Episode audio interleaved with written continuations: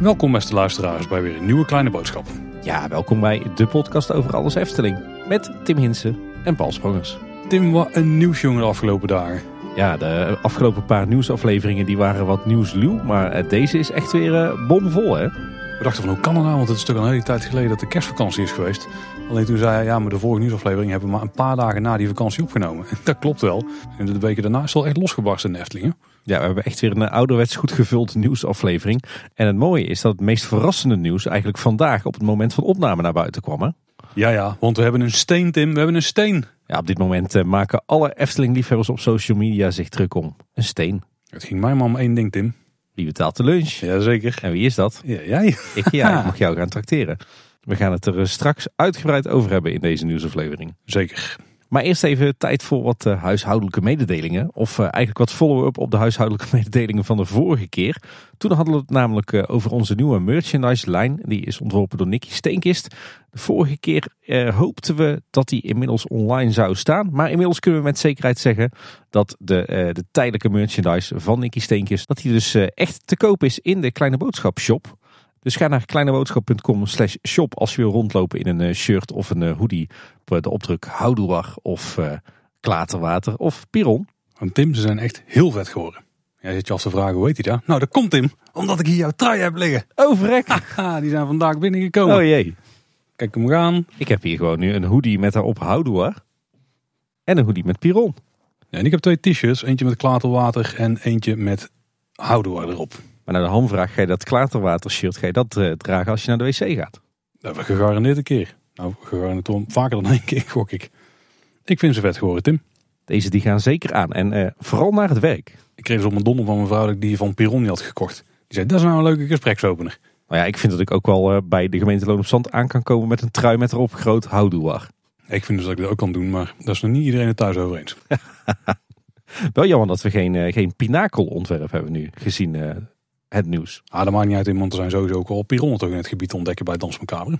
Zeker waar. En dan nog de andere huishoudelijke mededeling. Het is een beetje de final call. Want uh, we hebben natuurlijk nog ons evenement in de bioscoop. En die gaat komend weekend plaatsvinden op uh, 3 februari, zaterdagavond.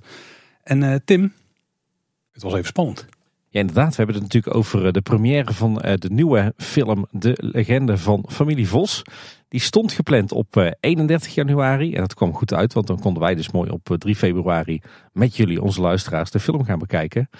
Maar wat bleek ineens, de release is een week uitgesteld naar woensdag 7 februari. Oei, en toen zaten wij een beetje met de handen in het houden. We dachten, oh, maar wij willen op 3 februari de film gaan vertonen. Dat wordt ingewikkeld. Ja, het was blinde paniek in de redactie. Maar dat bleek gelukkig allemaal mee te vallen. Want na we contact met de distributeur is besloten dat wij de voorstelling wel gewoon door mogen laten gaan. En dat betekent dat wij een exclusieve sneak preview van die film gaan vertonen. Ja, het wordt uh, de allereerste mogelijkheid om de film te bekijken voor uh, het gewone gepeupel. Ik geloof dat die ochtend de VIP-première plaatsvindt in volgens mij Amsterdam of Den Haag. Uh, in ieder geval ergens in de Randstad. Maar dat is echt alleen voor genodigden. maar wil je dus de film als allereerste zien, vier dagen voordat die in de bioscopen te zien is, dan, ja, dan moet je toch naar ons evenementje komen. Zeker. En niet alleen de film kijken daar, maar ook even wat uh, verwachtingen voor de film uitspreken. En we gaan meteen naar de film een review opnemen. Samen met Bjorn Bouws natuurlijk, onze media-expert en onze netwerk. Dus die uh, moest er ook zeker bij zijn. En dat wordt heel tof. Dus film kijken en een stukje podcast opnemen. Ja, en bovendien maken we er gewoon een gezellige avond van. Inmiddels zijn er zo'n 150 kaartjes verkocht. Dus we zijn uh, met een hoop kleine boodschapluisteraars en Efteling-liefhebbers in een zaaltje. We kunnen achteraf nog wat drinken en met elkaar kletsen. Dus we gaan er gewoon een hele gezellige avond van maken. Absoluut. En de trailer van de film staat ook eindelijk online, vrij laat. Maar je kunt hem dus nu checken. En dan zien we een hoop toffe beelden uit de Efteling. Nou, ik denk dat de film aan zich misschien, dat ik daar niet helemaal de doelgroep voor ben. Maar ik heb wel enorm veel zin om te gaan kijken. Want die beelden uit de Efteling zien er wel echt heel vet uit. Ja, zeker. En het blijkt dat de Dans Macabre toch een uh, hoofdrol heeft in deze ja, film. Zeker. We hadden er eerder uh, toch wat, wat vraagtekens over. Omdat we vooral heel veel fotomateriaal van Ravelijn zagen. Maar de film blijkt wel degelijk rond de opening van de nieuwe attractie te draaien. Ik kreeg ook het idee dat Fons een flinke make-over had gehad. Maar dan moeten we dus de film zelf voor gaan bekijken. Ja, volgens mij werkt tegenwoordig heel bekend Nederland in de Efteling. In de Efteling, ja. nou, wil je erbij zijn op zaterdagavond 3 februari in de Leest in Waalwijk. Dus bij de exclusieve sneak preview van de legende van familie Vos met Kleine Boodschapluisteraars. Ga dan naar kleineboodschap.com slash bios. Ja, je moet echt naar die uh, URL gaan, want je kunt niet via de Leest zelf tickets voor vinden. Hey Tim, dan gaan we door naar de follow-up. En dan gaan we eerst kijken naar aflevering 369. Oh, die getallen worden steeds ingewikkelder om uit te spreken. Dat was de vorige nieuwsaflevering. Toen hadden we het over de Efteling app. Dat daar eh, het label nu rustig aan was toegevoegd voor attracties op dat moment eh, rustig zouden zijn. En we weten nu hoe het precies werkt. We hadden toen wat discussie over. Ze kijken inderdaad niet naar de absolute wachttijden. Maar ze kijken naar de relatieve wachttijden. Dus als het gewoon voor die attractie relatief rustig is op dat moment dan normaal gesproken. Dan komt dat label erop. Een appontwikkelaar die eh, zei erover. We gebruiken een slim model om het nu rustig label te tonen. Bijvoorbeeld wanneer een attractie nu verrassend rustig is of later druk wordt. En niet enkel bij lage wachttijden. Ja, dus er zit een behoorlijk ingewikkeld voorspelmodel achter.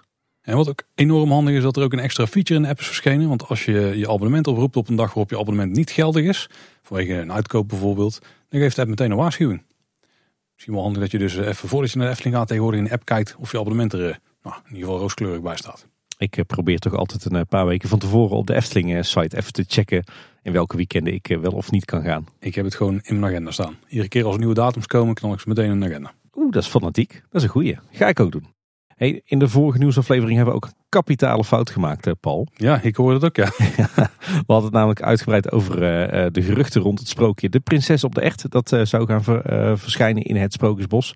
En daarbij benoemden wij dat het een sprookje van de gebroeders Grim zou zijn. En dat is natuurlijk helemaal niet waar, want het is een sprookje van Hans Christian Andersen. Oeh, nou hier is de volle perfect voor. Inderdaad, dat was Grote fout van ons. Uh, trouwens nog een leuk gerucht, uh, want uh, Eftel V, een bekende gebruiker op X, het voormalige Twitter, die toch best wel vaak zaken aan het rechte eind heeft, die wist te melden dat Prinses op de Echt een klein kijktafereeltje zou gaan worden. Iets wat wij volgens mij ook wel hopen, toch? Ik ben er helemaal voor, ja, tof. En als we het dan toch hebben over de Prinses op de Echt, dan kregen we ook nog een heel tof mailtje van Ben van Vught. En die schrijft... Hoi heren, vandaag hoorde ik in een nieuwsaflevering over de geruchten voor een nieuw sprookje, de prinses op de echt. Naast het Efteling Museum heeft dit sprookje zich echter elders in de wereld van de Efteling ook vertoond. Rond 2011-2012 heeft in de lobby van het Efteling Hotel een entertainmentproductie gelopen, genaamd Een Rok Vol Sprookjes. Die, eh, die ken ik nog wel, ja. Dit ontbijtshowtje werd gedurende weekends en vakanties meermaals per ochtend gespeeld. De setting was simpel maar prachtig. Het jonge duo Fleur en Floris, gespeeld door ondergetekende, ah. waren de dochter en zoon van de kleermaker. Fleur droeg een gigantische rok, welke ondersteund werd door wieltjes, welke aan de voorkant kon worden geopend. De rok sloeg open als een boek, waarna een decor van een kasteel ontstond. Vervolgens speelde het duo een marionettenvoorstelling, namelijk het verhaal van de prinses op de echt. Ah, kijk. Dus dit sprookje was op meer plekken te vinden in de wereld van de Efteling. Tof. Dankjewel eh, Ben voor jouw eh, follow-up. Hey Tim, en dan door naar de hoofdonderwerpen. En dan beginnen we met iets wat ik zelf echt enorm tof vind. Want de Efteling gaat 3 miljoen euro investeren in twee gigantische batterijpakketten. En dus eigenlijk iets wat we al eerder zelf hebben aangehaald in de aflevering die we met Mark Jansen maakten. Toen vroegen we ons af van wat zouden nou mogelijkheden zijn waarop de Efteling nog verder kan verduurzamen. Wat ook misschien problemen zou kunnen oplossen voor eh, de netcongestie waar je zoveel over hoort tegenwoordig. Toen werd hier door Mark al naar gehind. En de laatste tijd hoorden we al regelmatig dat er misschien niet genoeg stroom zou zijn voor Dans Macabre in het Efteling Grand Hotel. Eh, dat in verband met het overbelaste Brabantse stroomnet. En dan met name dat van het station Tilburg Noord. Waar natuurlijk een hoop over te doen is geweest in de media. En de Efteling gaat het nu gewoon zelf oplossen met die enorme batterijpakketten. Uh, dit is een afwachting van die zwaardere stroomaansluiting die ze zouden willen gaan krijgen. Daar hebben ze de kabel dus zelf voor betaald. Die ligt er al. Ja. Alleen die wordt dus pas volgens de huidige planning in 2028 aangesloten. Toch zuur. Ja, het gaat om twee grote zeencontainers en daarin zitten accu's. En daar wordt de stroom dan opgeslagen eh, op momenten dat er voldoende netcapaciteit is. Bijvoorbeeld s'nachts, maar ook als natuurlijk overdag de zonnepanelen meer leveren dan dat ze kwijt kunnen aan eh, de Efteling zelf. En op piekmomenten kan die stroom dan benut worden om het net te ontlasten. En dat, daar zit dan een hoop slimme software achter die dat allemaal automatisch regelt. En dat is natuurlijk uh, super slim, want je moet je voorstellen, je hebt, thuis heb je een, een aansluiting van een aantal ampère. Maar alle stroom die je zelf kunt toevoegen voor jouw aansluiting, hoef je natuurlijk niet jouw aansluiting voor te verhogen. Dat is eigenlijk wat de Efteling hier dus gaat doen. Ze, ze gaan eigenlijk een aantal zaken met elkaar in balans brengen. Hè? Dus, het, de stroom die ze vanuit het net krijgen, vanuit Enexis. De stroom die vanuit de zonnepanelen komt. Uh, het verbruik in het park. En daar, daar voegen ze dan ook die batterijen aan toe. En op die manier proberen ze zeg maar de, de, energie die binnenkomt, de energie die verbruikt wordt, de energie die wordt opgewekt en die naar buiten moet. Zeg maar dat hele spanningsveld, hihi, dat proberen ze echt met elkaar zo goed mogelijk in balans te krijgen. En daar gaan die, die, die batterijen en zeker ook dat stukje software en hardware wat er aan gekoppeld zit, gaan er echt een belangrijke rol in spelen. Nou, het resultaat is in ieder geval dat de Efteling dus voor 2028, dus voordat de nieuwe aansluiting wordt aangesloten, wel gewoon kan uitbreiden en verduurzamen. want de elektriciteit daarvoor die kunnen ze dan dus zelf op een slimme manier eh, in ieder geval regelen. Ja, want wat ze dus eigenlijk doen is dat ze en de, de piekspanningen opvangen. Dat ze ook het overschot van energie dat die zonnepanelen opwekken, dat ze dat daadwerkelijk kunnen toepassen. En dat ze het net niet overbelasten, niet alleen als het gaat om vraag, maar ook als het gaat om teruglevering. Dus op die manier ja, lossen ze eigenlijk een heleboel problemen op. Waar ze precies komen te staan is nog een beetje onduidelijk. Op bepaalde plekken communiceren ze P2, maar er is een vergunningaanvraag uitgegaan met een bepaald kavelnummer. En dan hebben we even gecheckt en het lijkt gewoon de zonneweide te zijn. Dus helemaal in het uiterste westelijke deel van, uh, ja, eigenlijk van het Efteling grondgebied. Dus waar uh, die enorme zonnepaneelinstallatie die recent is geplaatst is komen te staan. En daar is ook wel uh, ruimte voor. Daar liggen ook van die grondwal omheen. Dan kun je ze prima gewoon ergens vrij goed uit het zicht achter zetten. Het zijn uiteindelijk ook maar twee zeecontainers hè? Ja, en het is natuurlijk zo dat die zonnepanelen enorm veel uh, energie kwijt moeten kunnen. Dus de kabels die er liggen, die zijn al ruim voldoende. En op het moment dat de zonnepanelen enorm veel energie opleveren, dan gaat waarschijnlijk niet het batterijpack ook tegelijkertijd stroom eruit pushen. Dus ik denk dat die uh, kabel die er ligt daarvoor meer dan voldoende is. Ja, alhoewel ze natuurlijk ook uh, op de, de rustige momenten, dus in uh, winters in de nacht, dan willen ze juist stroom vanuit het, het normale netwerk pakken en opslaan in die batterijen. Ik heb het even snel uitgerekend, maar er liggen 12.500 zonnepanelen nu. Als die ongeveer een piekvermogen van 350 watt per stuk hebben, wat tegenwoordig vrij, nou dat kan prima bij de meeste zonnepanelen. Eh, dan zou de kabel eh, die er ligt op zijn minst 4 megawatt moeten kwijt kunnen aan vermogen. Dat betekent dat je de capaciteit van de batterij, want die is trouwens 6,8 megawattuur, dat je die in uh, een uur en drie kwartier zou kunnen volladen. Ja, dan heb jij het over uh, de, de 12.000 zonnepanelen die op de zonneweide staan. Maar er staat natuurlijk nog zo'nzelfde aantal op P2. Ja, nee, dat klopt. Maar het gaat natuurlijk over de kabel die vanaf dat terrein naar de aansluiting van de Efteling loopt. Die zou daar in ieder geval eh, ruim voldoende capaciteit voor moeten hebben. Het eh, is allemaal lekker technisch en complex. Ik hoop dat onze luisteraars het nog eh, kunnen volgen. Iets wat ik ook ingewikkeld vond is dat de Efteling twee vergunningen heeft aangevraagd. Eentje voor het plaatsen van een energieopslagsysteem op parkeerplaats P2. En eentje voor het plaatsen van een energieopslagsysteem bij de Zonneweide. Zou ze die containers ieder op een andere plek gaan zetten? Nou, er is ook nog een andere mogelijkheid. Oh maar daar komen we zo meteen eh, op. Wat in ieder geval belangrijk is om te zeggen is dat de battery packs eh, in maart worden geleverd. En in april al in gebruik worden genomen. En eh, dat alles in uh, nauwe samenwerking met Enexis, wat natuurlijk de netleverancier is in Brabant van stroom.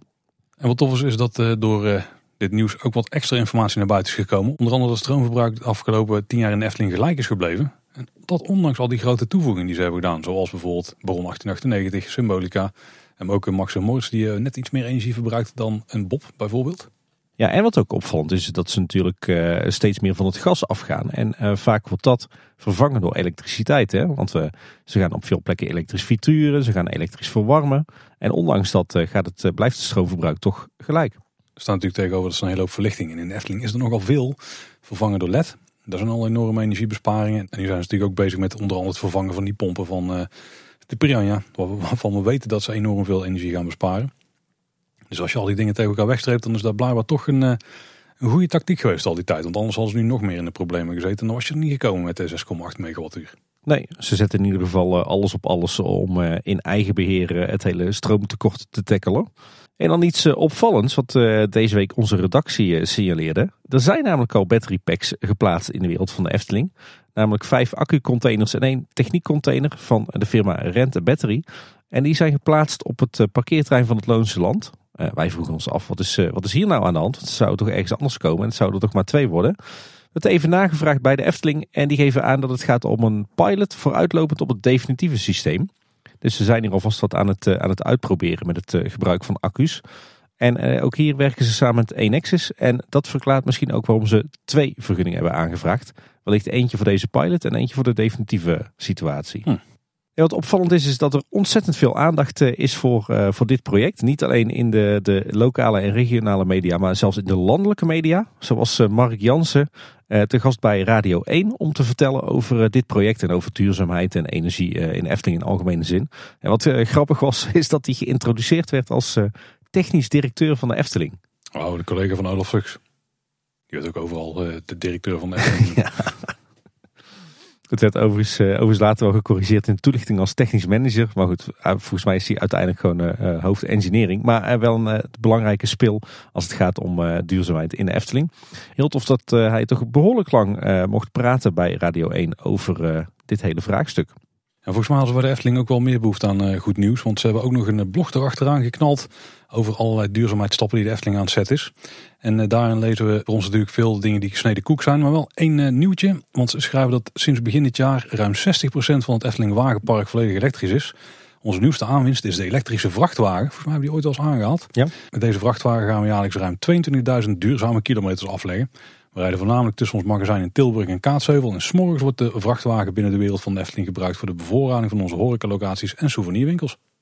Goed bezig zeg ik dan. Ja, best indrukwekkend. Ik denk dat er niet veel bedrijven zijn van het formaat van de Efteling die al ruim 60% van hun wagenpark hebben geëlektrificeerd. Ja, Tim, ik vind het echt hele vette ontwikkelingen binnen de Efteling. Absoluut. Heel tof sowieso dat ze zo serieus bezig zijn met, met energieverbruik en verduurzaming. Maar ja, vooral wel indrukwekkend dat ze dat dat probleem met dat stroomtekort, dat nou ja, toch wel een beetje het zwaard van Damocles wat toch boven de Efteling hing als het ging om uh, uitbreidingsmogelijkheden, dat ze dat nu gewoon zelf in eigen beheer op eigen terrein oplossen met die combinatie van heel veel zonnepanelen en die battery packs. Ja, uiteindelijk gaat het natuurlijk over dat je de, het piekvermogen wat je van buitenaf moet vragen, dat je dat gewoon verlaagt. Met CK? Ik denk dat Piek niet echt expert was op, die, op dit vlak, gok ik zomaar. Ik denk dat hij meer van de bruinkool was. Oeh, ja, ja inderdaad. in ieder geval, uh, die pieken naar beneden drukken, dat is het grote doel erin. Dan kan zo'n battery pack prima. Kijk, want we hebben het heel over het, de capaciteit van uh, het pack van 6,8 megawattuur. Dat is deels irrelevant. Het gaat meer om het vermogen wat, je uit zo'n uh, ding kunt trekken. Dus het niet hoeveel kilowattuur, maar hoeveel kilowatt je er ieder moment uit kunt trekken. Want daarmee kun je die pieken natuurlijk naar beneden halen. En volgens mij ken specificaties van dat ding niet. Maar dat moet ook best gruwelijk zijn hoor. Wat je gewoon in hele korte tijd direct kunt opvragen uit zo'n uh, batterijpack. Want hieruit blijkt toch wel dat het niet zo is dat, dat de stroom die de Efteling vanuit uh, Enexis krijgt, dat die in de basis niet voldoende is. Dat blijkt dus wel, wel meer dan genoeg te zijn. Uh, alleen dat ze die piekvraag niet aankunnen. Ja, en dan klappen als je het slecht hebt afgeregeld, gewoon je hoofdzekeringen eruit. Om het even heel plat te zeggen. Zal bij de Efteling misschien net iets anders werken, maar misschien, ja, in theorie kan er wel wat doorbranden. Zo. Ja. Ik denk dat het gewoon gezekerd is. Zou je enorme zekeringen hebben die je gewoon met, met twee man zo om moet drukken of zo? Hoe werkt dat? Ja, dat noemen ze toch van die meszekeringen? Ja, dat zijn we niet echt hele grote. Stel je dat een beetje de, de grootte waar we moeten denken. Gewoon volgens mij een hand schakelaar zo bam. Ja, ja, dat, volgens mij gebeurt het allemaal in die, die trafo's die op de middenspanningsring van de Efteling zelf zitten. Hm, hm. Maar ik denk inderdaad in het slechtste geval, als je piekbelasting zou krijgen vanuit de Efteling, dat uh, ook wel eens hier het licht uit zou kunnen gaan hoor. Wat op zich ook wel tof is van deze oplossing, is dat die in de basis, ja, je hebt een hoop software erbij nodig, maar is eigenlijk best simpel. Want je hebt ook natuurlijk de mogelijkheid om bij een attractie zelf, om daar iets van een, een energiebuffer te plaatsen. Volgens mij heb je lanceerachtbanen die condensatoren gebruiken om energie op te slaan die je dan heel snel weer terug kunt geven, zeg maar, aan zo'n lanceringssysteem bijvoorbeeld. Je kunt je voorstellen dat als Dans Macabre echt zo'n attracties die ook piekbelastingsmoment hebt, dat je daar lokaal een, uh, een accupakket bij zet. Een vrij forse dan ook iets groter dan dat wij je thuis zouden hebben. Maar waar je even die, ik heb geen idee om hoeveel vermogens het gaat, maar die, ik heb echt geen idee, 100 kilowatt. Hoeveel zou er zo'n attractie trekken op piekmomenten? Ik eh, durf het niet te zeggen. Misschien wel honderden kilowatt. Ik zou het echt niet durven zeggen. Maar in ieder geval dat je dat lokaal kunt opslaan. Maar nu heb je gewoon één plek waarmee ook voor de toekomst het allemaal meer hebt dichtgetimmerd. Dus ik denk een, slimme, relatief simpele, uh, maar vooral uh, ja, gewoon een hele toffe oplossing dat de Efteling hiermee aan de slag is. Ja, en een mooie bijkomstigheid is dat dus alle, alle energie die je opwekt met de zonnepanelen die je niet meteen kwijt kunt in het park, dat je die dus niet als het ware hoeft weg te gooien naar, naar de buitenlucht, want dat is hoe dat dan gaat. Hè. Dan, uh, dan wek je gewoon warmte op en dan, ja, dan verbrand je als het ware de overtollige stroom. En nou ja, die kun je dus lekker opslaan in die accu's. Ja, in de meeste gevallen schakelen we dan gewoon delen uit denk van het systeem. Maar er zit één kanttekening bij. De accu's moeten natuurlijk wel capaciteit hebben om het op te nemen. Want op het moment dat die dingen al vol zitten, omdat al heel de dag de zon heeft geschenen en ze het niet nodig hadden, want de zon, dat de zon schijnt levert natuurlijk ook aan het park terug, dan kun je het niet kwijt natuurlijk. Nee, nee, het is niet zo dat je oneindig kunt opslaan natuurlijk. Dan moet je uh, nog meer uh, batterijen erbij plaatsen. Maar goed, deze twee die kosten al 3 miljoen euro. Dus ja. vrij, uh, vrij kostbaar. trouwens ook nog wel leuk om te lezen is dat Fons vertelde dat, dat de piekvraag in de Efteling in de avonduren is. Omdat je dan natuurlijk en Aquanura speelt, de sfeerverlichting gaat aan en mensen gaan eten.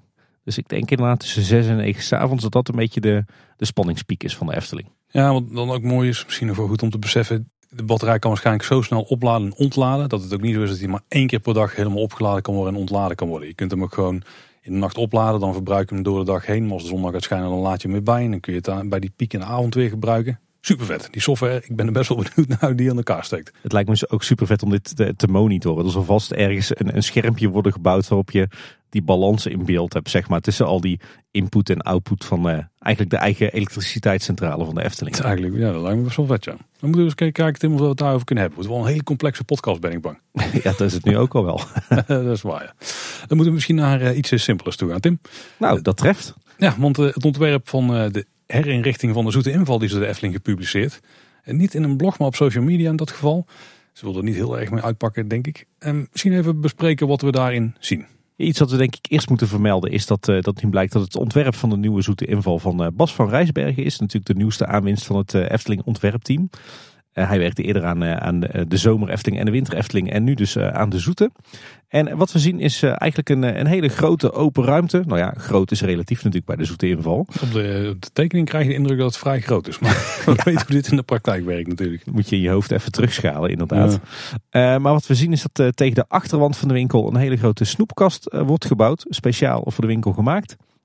En die bestaat uit uh, ja, een hoop bakken met snoepgoed. Met daarboven van die glazen buizen. Zoals je die ook al kent van uh, de snoepwinkel uh, De Verleiding. Het deed me ook een klein beetje denken aan een van de snoepwinkels aan Main Street USA in Disneyland Parijs. Die heeft ook van die glazen buizen. Ja, nou, ik dacht meteen aan van die M&M winkels en zo, weet je wel. En dat soort plekken. Het is een vrij nou ja, je ziet het trouwens ook bij iedere tourstrap uh, snoepwinkel in grote steden en zo trouwens. Het is een vrij generiek uh, ja. ontwerp. Ja, zou ook zomaar kunnen zijn dat dat gewoon uh, de, de harde ijs is vanuit de, de retail afdeling. Ik denk serieus dat er erachter zit. Dat die, dat die zeggen, we willen gewoon laten zien wat je hier kunt kopen. En dat gaat alleen maar als je over de mensen heen al kunt zien welk snoep dan in de bak eronder ligt. En waarschijnlijk ook een hele makkelijke en praktische manier van, van presenteren en, en bevoorraden.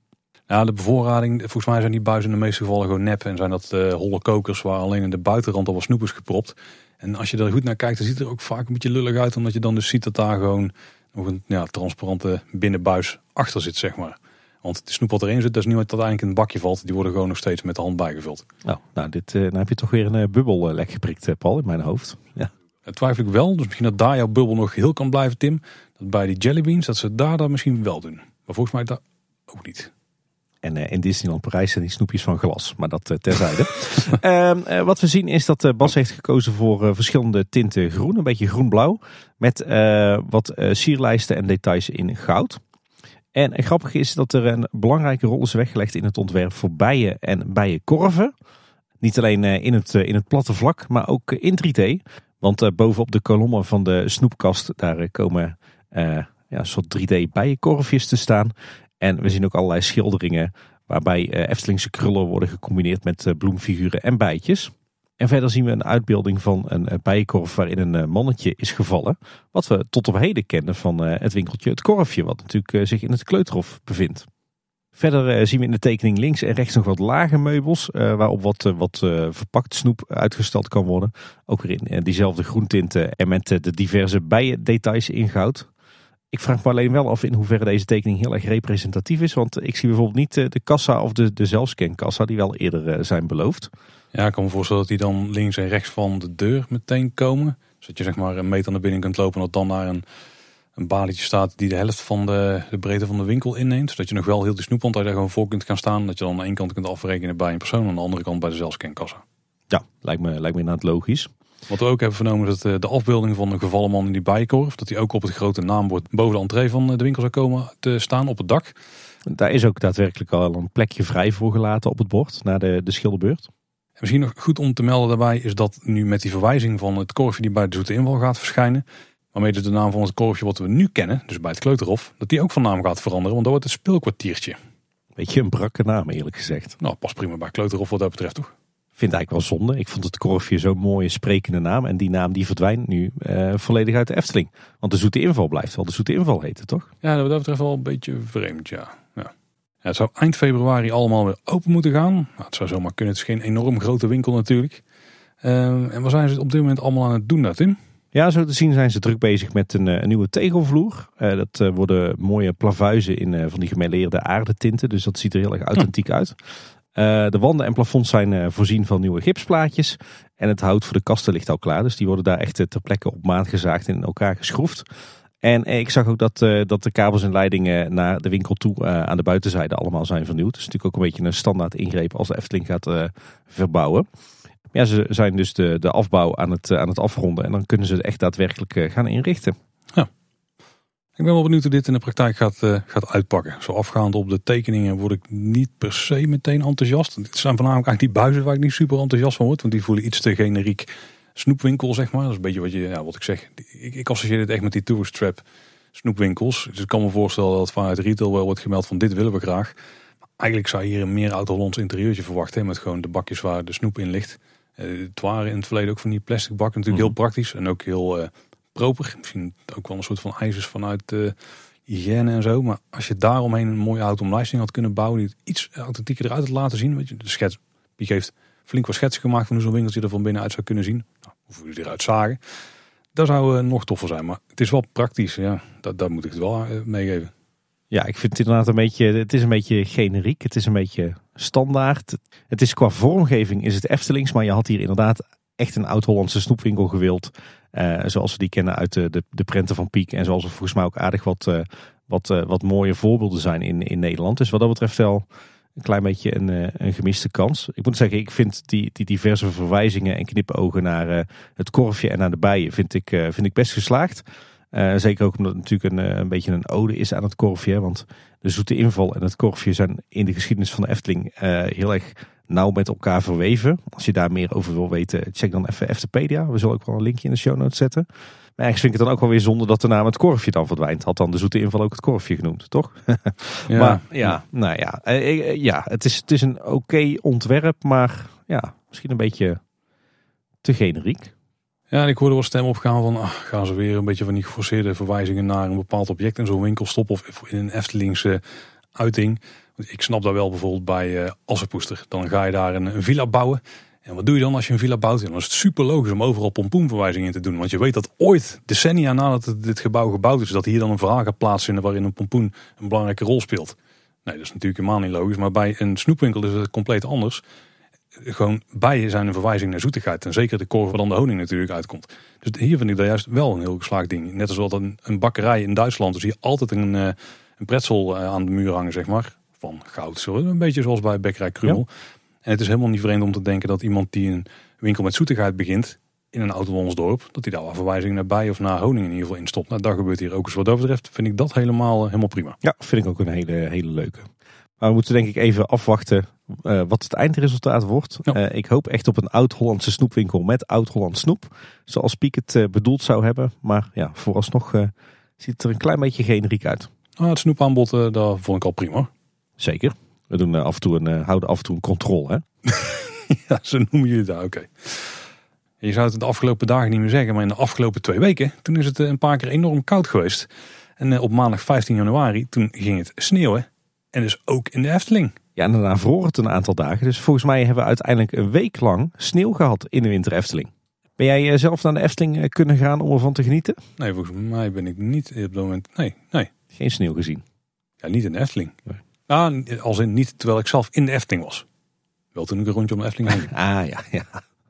Nou, wij dachten gelijk, dit, dit laten we ons niet, uh, niet ontzeggen. Het is tegenwoordig toch best uh, zeldzaam dat er sneeuw in de Efteling ligt. Dus ik ben meteen op mijn papadag, toen ik uh, wat, wat tijd over had, meteen naar de Efteling gesneld. Om een rondje Sprookjesbos in de sneeuw te doen. En wij zijn een paar dagen later op, op zaterdag nog met het hele gezin de hele dag naar de Efteling geweest. En ja, geprobeerd nog even dat sneeuwmomentje mee te pikken in het park. Want de Efteling is stiekem toch wel op haar mooiste als er sneeuw ligt. Niet in de herfst in met al die gekleurde blaadjes en zo? Ja, de herfst is uh, misschien uh, nog net een meer favoriet seizoen dan de winter. Maar sneeuw, daar kan niks tegen op. Nee, maar ook omdat het misschien nog bijzonderder is. Daar is de Efteling voor gemaakt. En piekprenten, daar komt ook vaak sneeuw op voor. En uh, ja, wat jij al zegt, het wordt steeds, steeds zeldzamer, hè, sneeuw in Nederland. Ja, naast de sneeuw was er ook een hoop eh, ijs, want het had flink gevroren en dan kon het wat problemen leiden. En dat zorgde er ook voor dat de Efteling s'nachts heel veel attracties liet doordraaien. Want daardoor eh, wisten ze zeker dat ze overdag ook gewoon door konden. Denk bijvoorbeeld aan de gondoletta. Door die te laten draaien zorgen ze ervoor dat de boten niet vastvriezen. En dat er gewoon een, een vaargul eigenlijk open blijft, waar die boten gewoon vrij doorheen kunnen varen. Maar ook de Python, Bron 1898 en Max Moritz die draaiden door. Ja Tim, en hoe hebben we bij Max Moritz een beetje kunnen achterhalen? Ja, er was een medewerker die postte een berichtje op social media precies om 3 uur 33. Heel trots van wij zijn hier de hele nacht met elkaar in de weer om de attractie draaiende te houden. Dat was, was heel erg tof. Uh, ook wel iets wat heel jammer was en denk ik ook wel zuur voor de medewerkers die s'nachts bij Baron 1898 hebben gewerkt. Is dat Baron vervolgens op zaterdagochtend in storing was gevallen. Hm. Best serieus, want het hele gebied was afgezet met, met hekken. Uh, twee grote hoogwerkers erbij om de baan te controleren. Geen idee wat er aan de hand was. Ik was zelf wel op dat moment ook in de Efteling, maar ik, ik ja, kon niet ontcijferen wat, er, wat, wat nou het probleem was. behalve dan dat, dat de baan werd geïnspecteerd. Maar tegen de avond uh, draaide de attractie alweer proefritjes. En volgens mij ging die zondag alweer open. Dus het zal niet heel ernstig zijn geweest. Kregen trouwens nog wat, wat follow-up over de gondoletta. Jij had het er al over. die laten ze draaien zodat de vaarroute van de bootjes open blijft en niet dichtvriest. Maar dat is niet het enige waar ze daarop moeten letten. Er moet namelijk ook een vaarroute open blijven voor de motorboten die bij de attractie in het water liggen. want in geval van calamiteiten moet de attractie ook ontruimd kunnen worden. Ook als het vriest. Dus los van hmm. dat die, die vaargul open moet blijven, moeten ze dus ook zorgen dat de vijver op een heleboel andere plekken niet dichtvriest. Daar zit wel in, ja. Veiligheid voor alles. Ook nog uh, ander wintersnieuws, Tim. Want een van de twee vreugdevuren op de warme winterweide... die blijft zo nu en dan, waarschijnlijk bij harde winter... als de wind een bepaalde richting in staat, uit. Want de zangers van Zang en Gelukkig hadden hier uh, serieus last van. Toen we dit voor het eerst hoorden, dachten van... ja, niet, niet zo moeilijk doen. Bleek dat ze er echt gewoon gezondheidsklachten door kregen. Dan moet je er wel... Uh, wel iets mee gaan doen natuurlijk. Het is natuurlijk een van de twee vreugdevuren, omdat de wind zelden zo staat dat ze beide richting het podium waaien.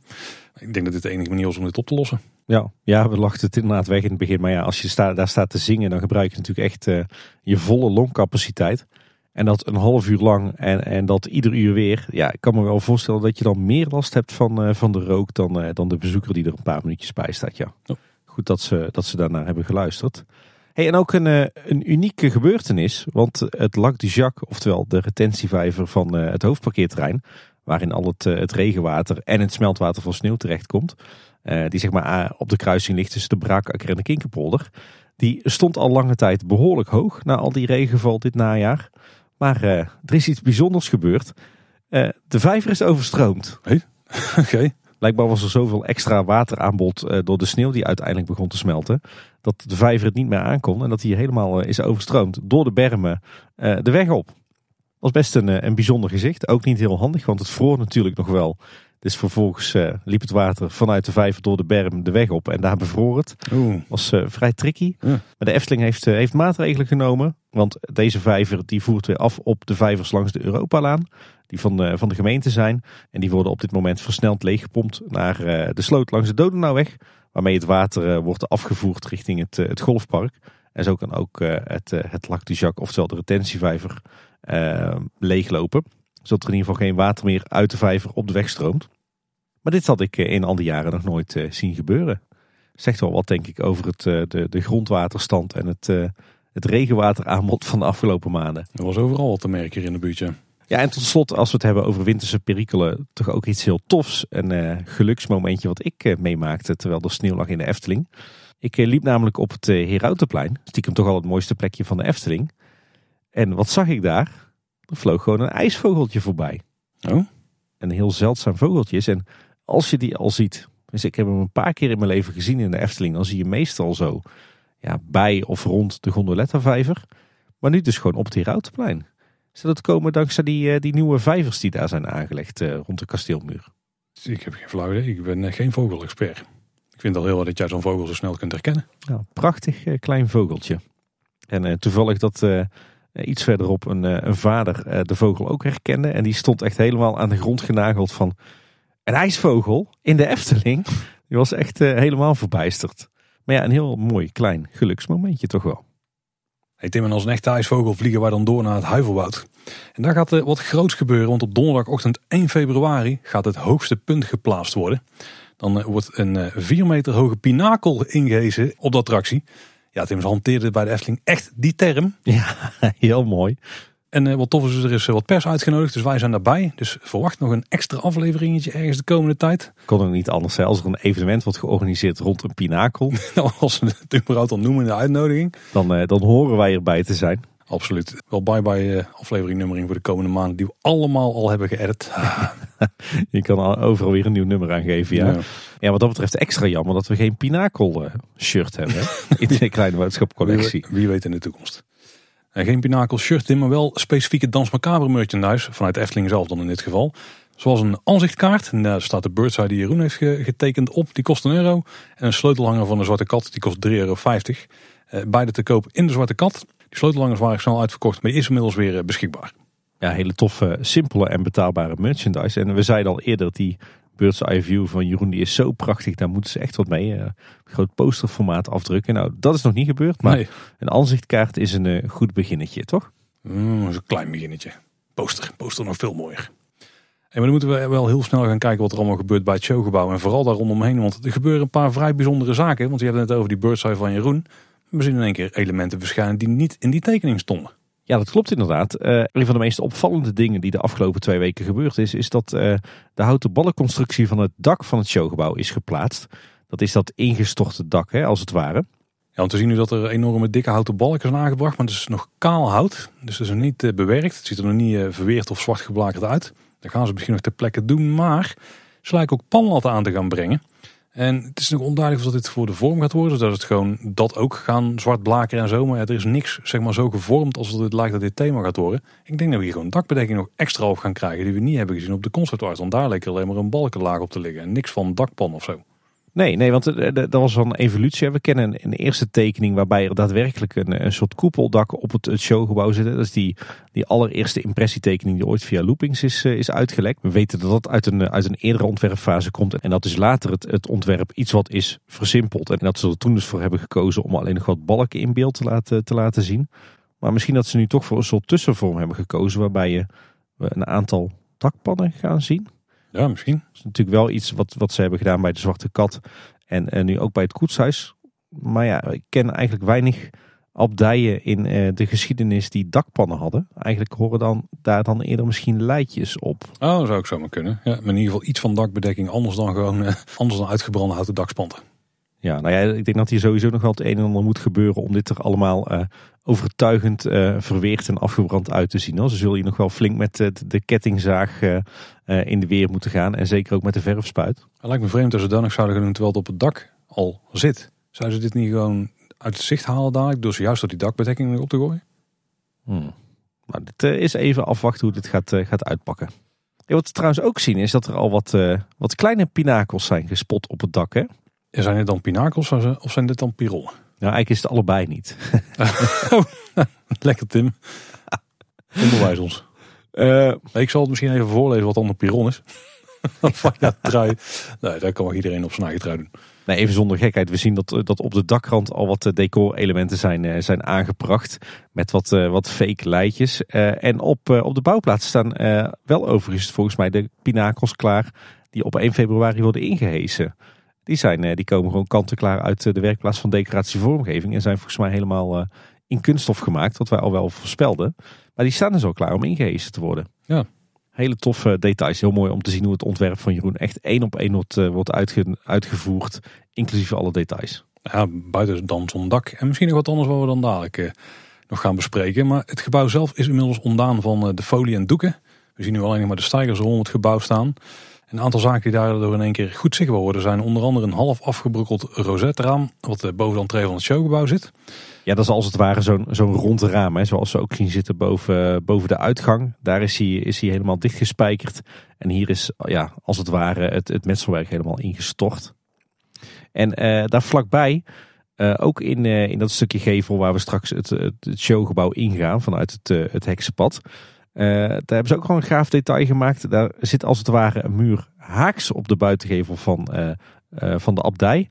Maar die is helemaal afgebrokkeld. Dus dat zijn ja, is zeg maar een, een muur die bestaat hooguit uit, uit een paar baksteentjes. Ook een heel tof detail. Alsof daar in het verleden nog een heel gebouw aan zat. Ja, dat is wel vet. En die indrukwekkers wel op meer, eh, meer plek. Hè? Onder andere met die balken die nog uitsteken uit delen van de gevel en zo. Of op bouwsporen. Ja, bou- oh, bouwsporen waren het, ja. Een aantal van die stalen frames voor de glas- en loodramen zijn inmiddels beplakt met polyester elementen. Die moeten wat natuursteen nabootsen, moeten allemaal wel nog gedecoreerd worden. Maar eh, de vormgegeven elementen zitten daar inmiddels al, eh, al op. Ja, dat is dus inderdaad toch eh, wat wij van tevoren al vermoeden. Want we vonden het al zo raar dat die glassen in loodramen bestonden uit alleen wat, wat uitgesneden staalwerk. Maar daar gaat nu dus inderdaad gewoon decor overheen. Wat ook mooi is om te zien is dat zeg maar het, de middelste taartlaag van het gebouw als het ware... Daar zien we een heleboel dichtgemetselde ramen met van die spitsbogen. En die blijken ook voorzien te zijn van die rijkelijk gedecoreerde ornamenten zoals we die ook op het, het laagste niveau van het gebouw zien in alle spitsbogen. En ook hier zijn ze heel mooi gedecoreerd. Al valt het me wel op dat ze allemaal 100% intact zijn. Zo komen ze natuurlijk ook, eh, ook uit de mal.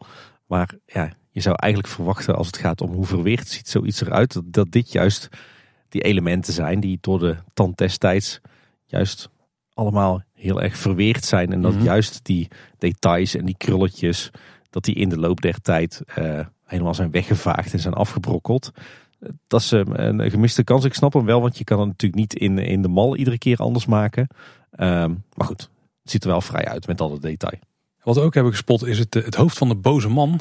Die eh, vinden we boven de uitgangsdeuren. Die eh, zat natuurlijk ook bij het spookslot boven die deur daar. En die hebben ze afgemald. Deze lijkt echt één op één op het originele exemplaar. Die is nu nog uitgevoerd in wit polyester. En die zit dus al bevestigd op de, de gevel. En die moet nog worden gedecoreerd. Ik vind het wel bijzonder, want op meerdere plekken op de gevel zien we in één keer van die spierwitte vlekken ontstaan. Dat is ook een of ander deel dichtgesmeerd, lijkt een spiekertje of zo, of iets van techniek achter zitten met wat gaas. En dan zit er ineens zo'n witte puist op het geel. En uh, waarom doen ze het niet een andere kleur meteen uitvoeren? Hoop meer werk om het nou op kleur te krijgen, lijkt me. Ja, ja, ik weet het, ik weet het ook niet. Nou, het, is, wel duidelijk dat dit nog gedecoreerd wordt als, alsof het steen is. Hè? Maar inderdaad, het nadeel hiervan is, is dat als die decoratielaag beschadigt, dat je er meteen allemaal witte krassen en witte vlekken in ziet. Ja, ook nog ja. Dus je zou zeggen, kies dan voor uh, een basiskleur als uh, donkergrijs of zwart uh, polyester. het is wel een mooie uitdaging voor de decorateurs die met verf aan de gang moeten. Want je moet het ook laten lijken op alles wat er al omheen zit, wat er al inmiddels maanden tegenaan zit op kleur. Maar ik denk dat ze daarom dit dus niet doen in de werkplaats, maar dat ze dat dus buiten dat is wel logisch, tegen de gevel aan dit op kleur maken. Geldt trouwens ook bijvoorbeeld voor die luchtbogen die tussen de steunberen en het gebouw zitten. Ook die zijn uh, spierwit en die worden ter plekke nog in dezelfde kleur gedecoreerd als de gevel. Volgens mij waren die ingepakt afgelopen week. Dus ze zullen al op kleur gemaakt. Dan even wat uh, plastic omheen zodat het kan drogen, denk ik, of zo? Nou, weet ik niet. Ik denk eerder gewoon ter voorkoming van beschadiging. Zou het dat zijn? Ja. Oh, zou kunnen. Ja. Dat is wel een goede eigenlijk, ja. Als ze nog dingen omhoog hijsen... Ja, ja, ja, goed punt, ja. Ja, en verder valt nog op dat het, uh, het hele gebouw is voorzien van uh, regenpijpen of hemelwaterafvoeren. Die zijn nu nog uitgevoerd in, uh, in PVC. Maar ik neem aan dat dat tijdelijk is en dat we straks definitieve zinken of koperen exemplaren gaan krijgen. En buiten ligt een flinke stapel kanalen voor luchtbehandeling. Dus ze zijn blijkbaar in het showgebouw nu bezig met het, het aanbrengen van de luchtbehandelingsinstallatie. Dat is eigenlijk wel hoe je dat zegt. Want ik weet dat bij Symbolica was het een heel ding dat ze de luchtbehandeling hadden verstopt onder een gebouwtje wat boven op de entree staat. Zeg maar. Daar heb je zo'n balustrade en daar staat zo'n huisje. En daarin zit de luchtbehandeling. Helemaal netjes verstopt. Maar waar zou die hier komen?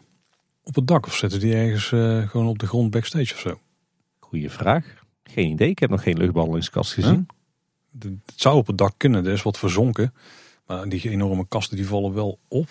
Misschien dat er daarom dus wel dakpannen op het, uh, het schijndak komen. Een beetje af te schermen. Ja, Nou. zou kunnen. Zou wel een hele mooie manier zijn om dat uh, af te schermen. Moet er wel een goed dragend dak zijn. Want wat meer op kan dan was een laagje sneeuw, zeg maar. ja. Weet je wat, wat mij nu opvalt nu het gebouw steeds verder zichtbaar wordt?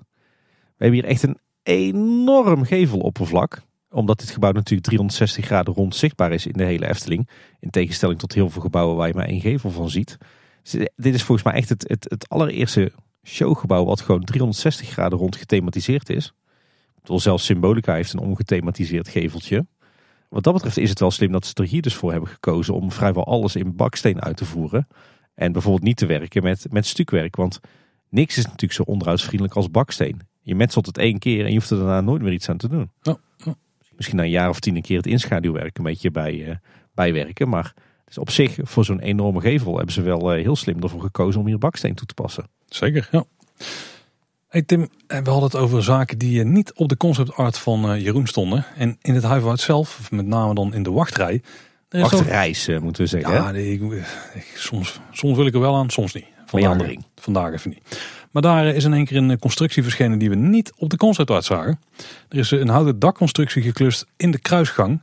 Dus toch een overkapdeel van de wachtrij ziet er best wel tof uit. Voelt op zich ook wel logisch op de plek. Want um, ja, je hebt eigenlijk gewoon die kruisgang die je rond kunt lopen. Vaak is het midden daarvan ook open. Dan heb je een soort open deel waar je in kunt kijken. Bij oude kloosters en uh, weet ik veel En het stuk waar je dus dan loopt, dat is overdekt. Dus een groot deel ervan. Een deel zal ook ingestort zijn.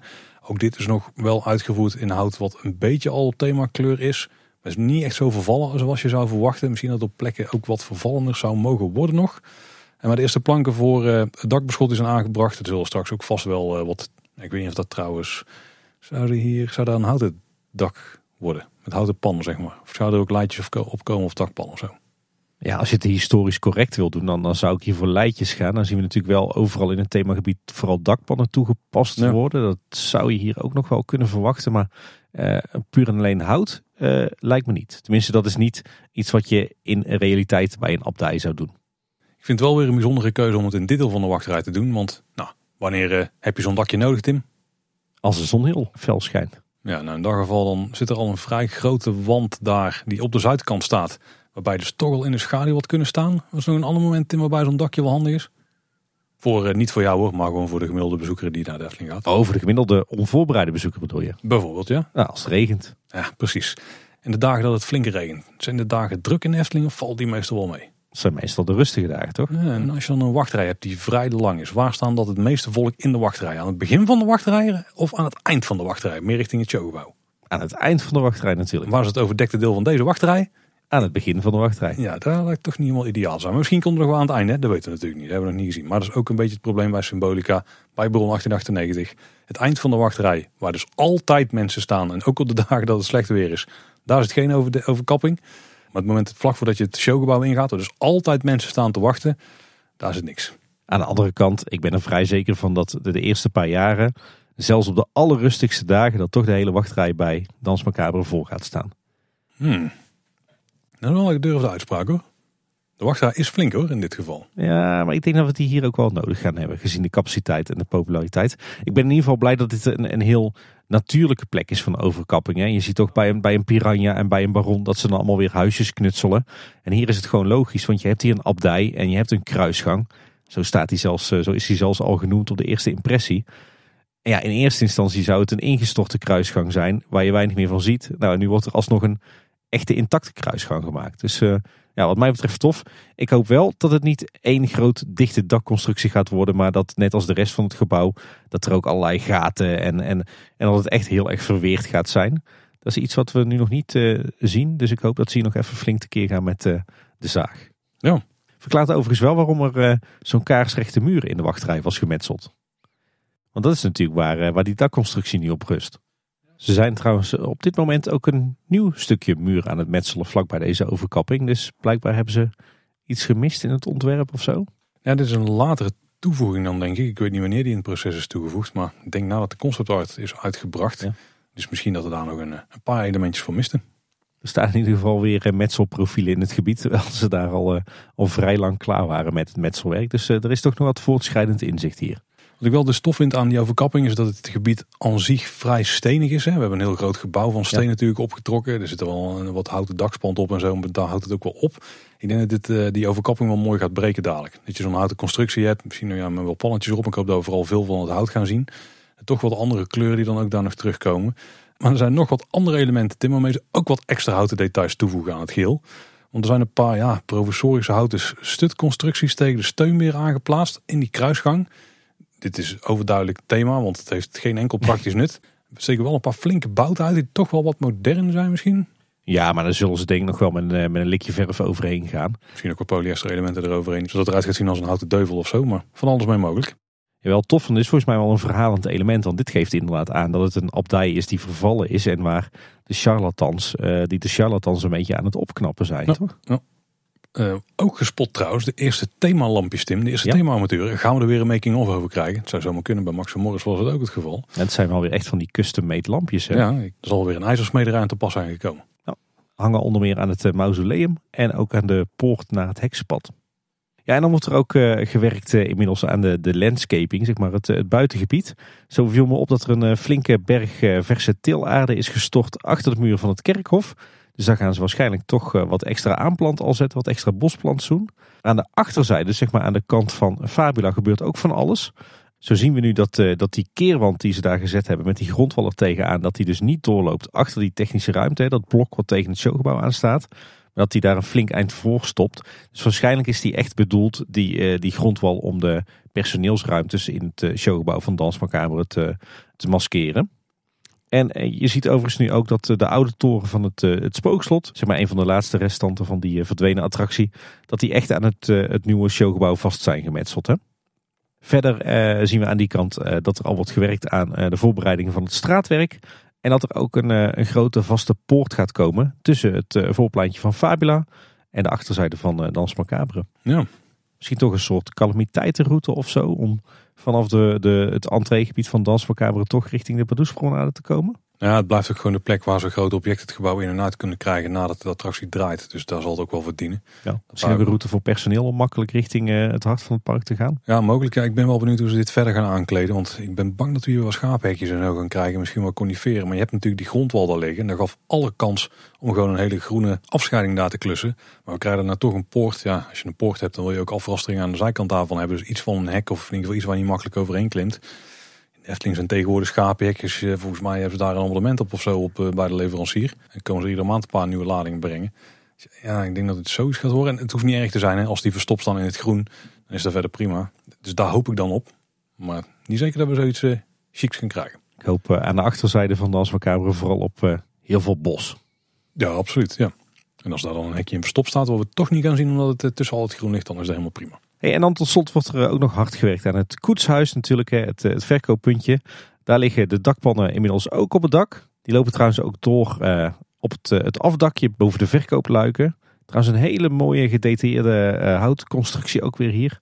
Echt van hetzelfde niveau zoals we dat kennen bij, bij Bekkerij Krumel. Dus dat, heeft de Efteling inmiddels ook een abonnement op.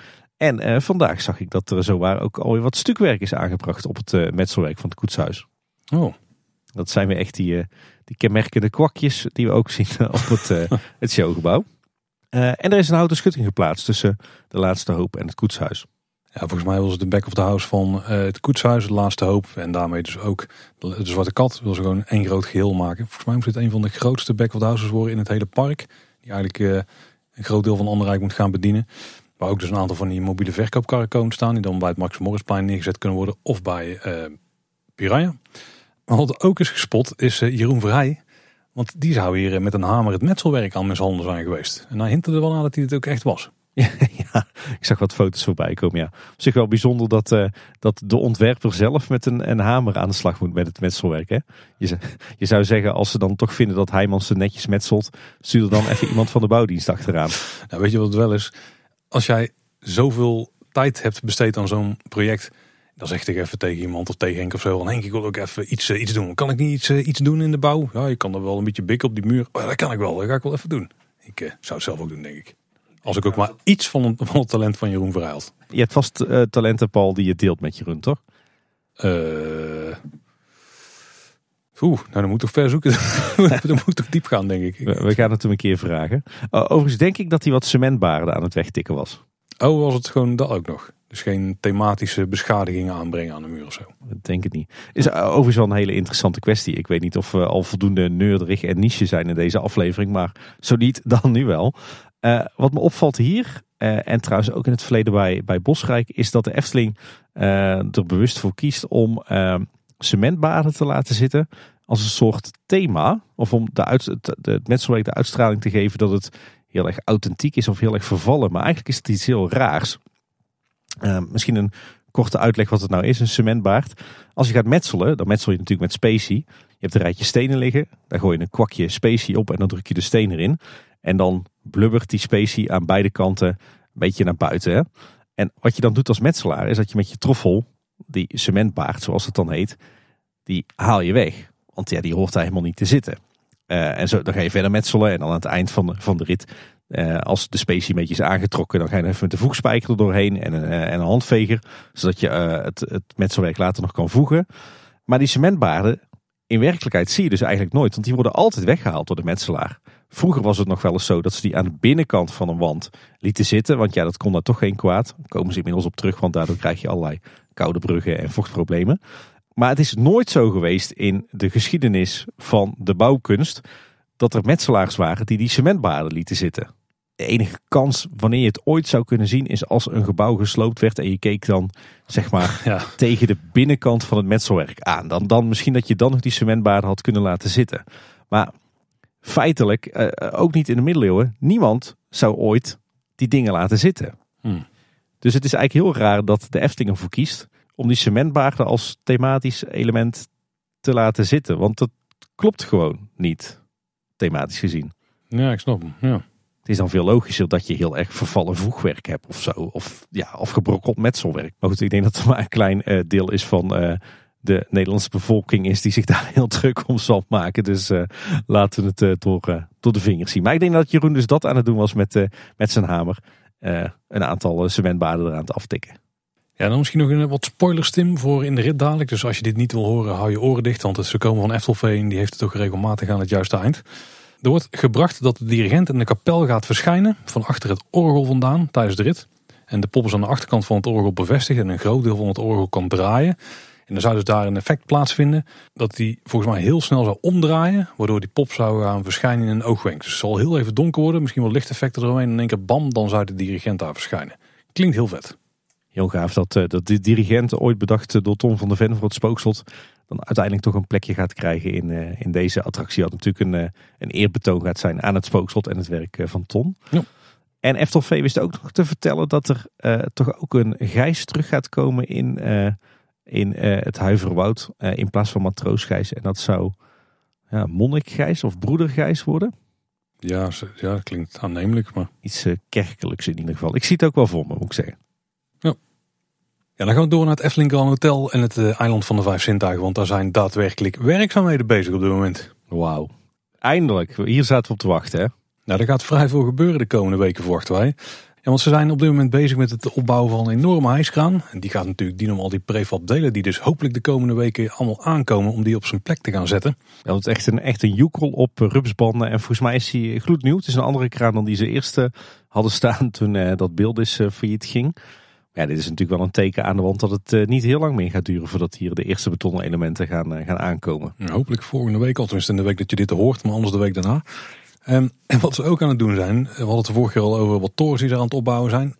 Ik besefte me na het editen dat we het hele tijd over torens hadden. Maar het gaat eigenlijk alleen maar om de dakjes die op de toren staan. Het wordt dus geen torenstraat, maar een dakenstraat. Een torendakstraat, ja. Dat is nog steeds wel een prima naam eigenlijk. Er zijn er dus inmiddels vier. Daar hebben ze stijgers rondom opgebouwd. En zijn ze nu een hoop houten lat op aan het eh, schroeven. Die gaan dus dienen als dakbeschot. En die gaan ze dan eh, daarna bekleden met pannetjes, lijkt me. Of in ieder geval met dakbekleding. Ik hoop eigenlijk dat we hier eh, wel zink of koper gaan krijgen. Ja, het zou de koperen daak op moeten komen, toch? Ja. Want eh, wat zo mooi gaat corroderen, dan wordt het een beetje, een beetje lichtgroenig zo. Dat sluit ook heel erg mooi aan op die, die Scandinavische Jugendstil waarop werd, werd gehind door Sander. Ik zag overigens wel een proefmodelletje voorbij komen op de bouwplaats.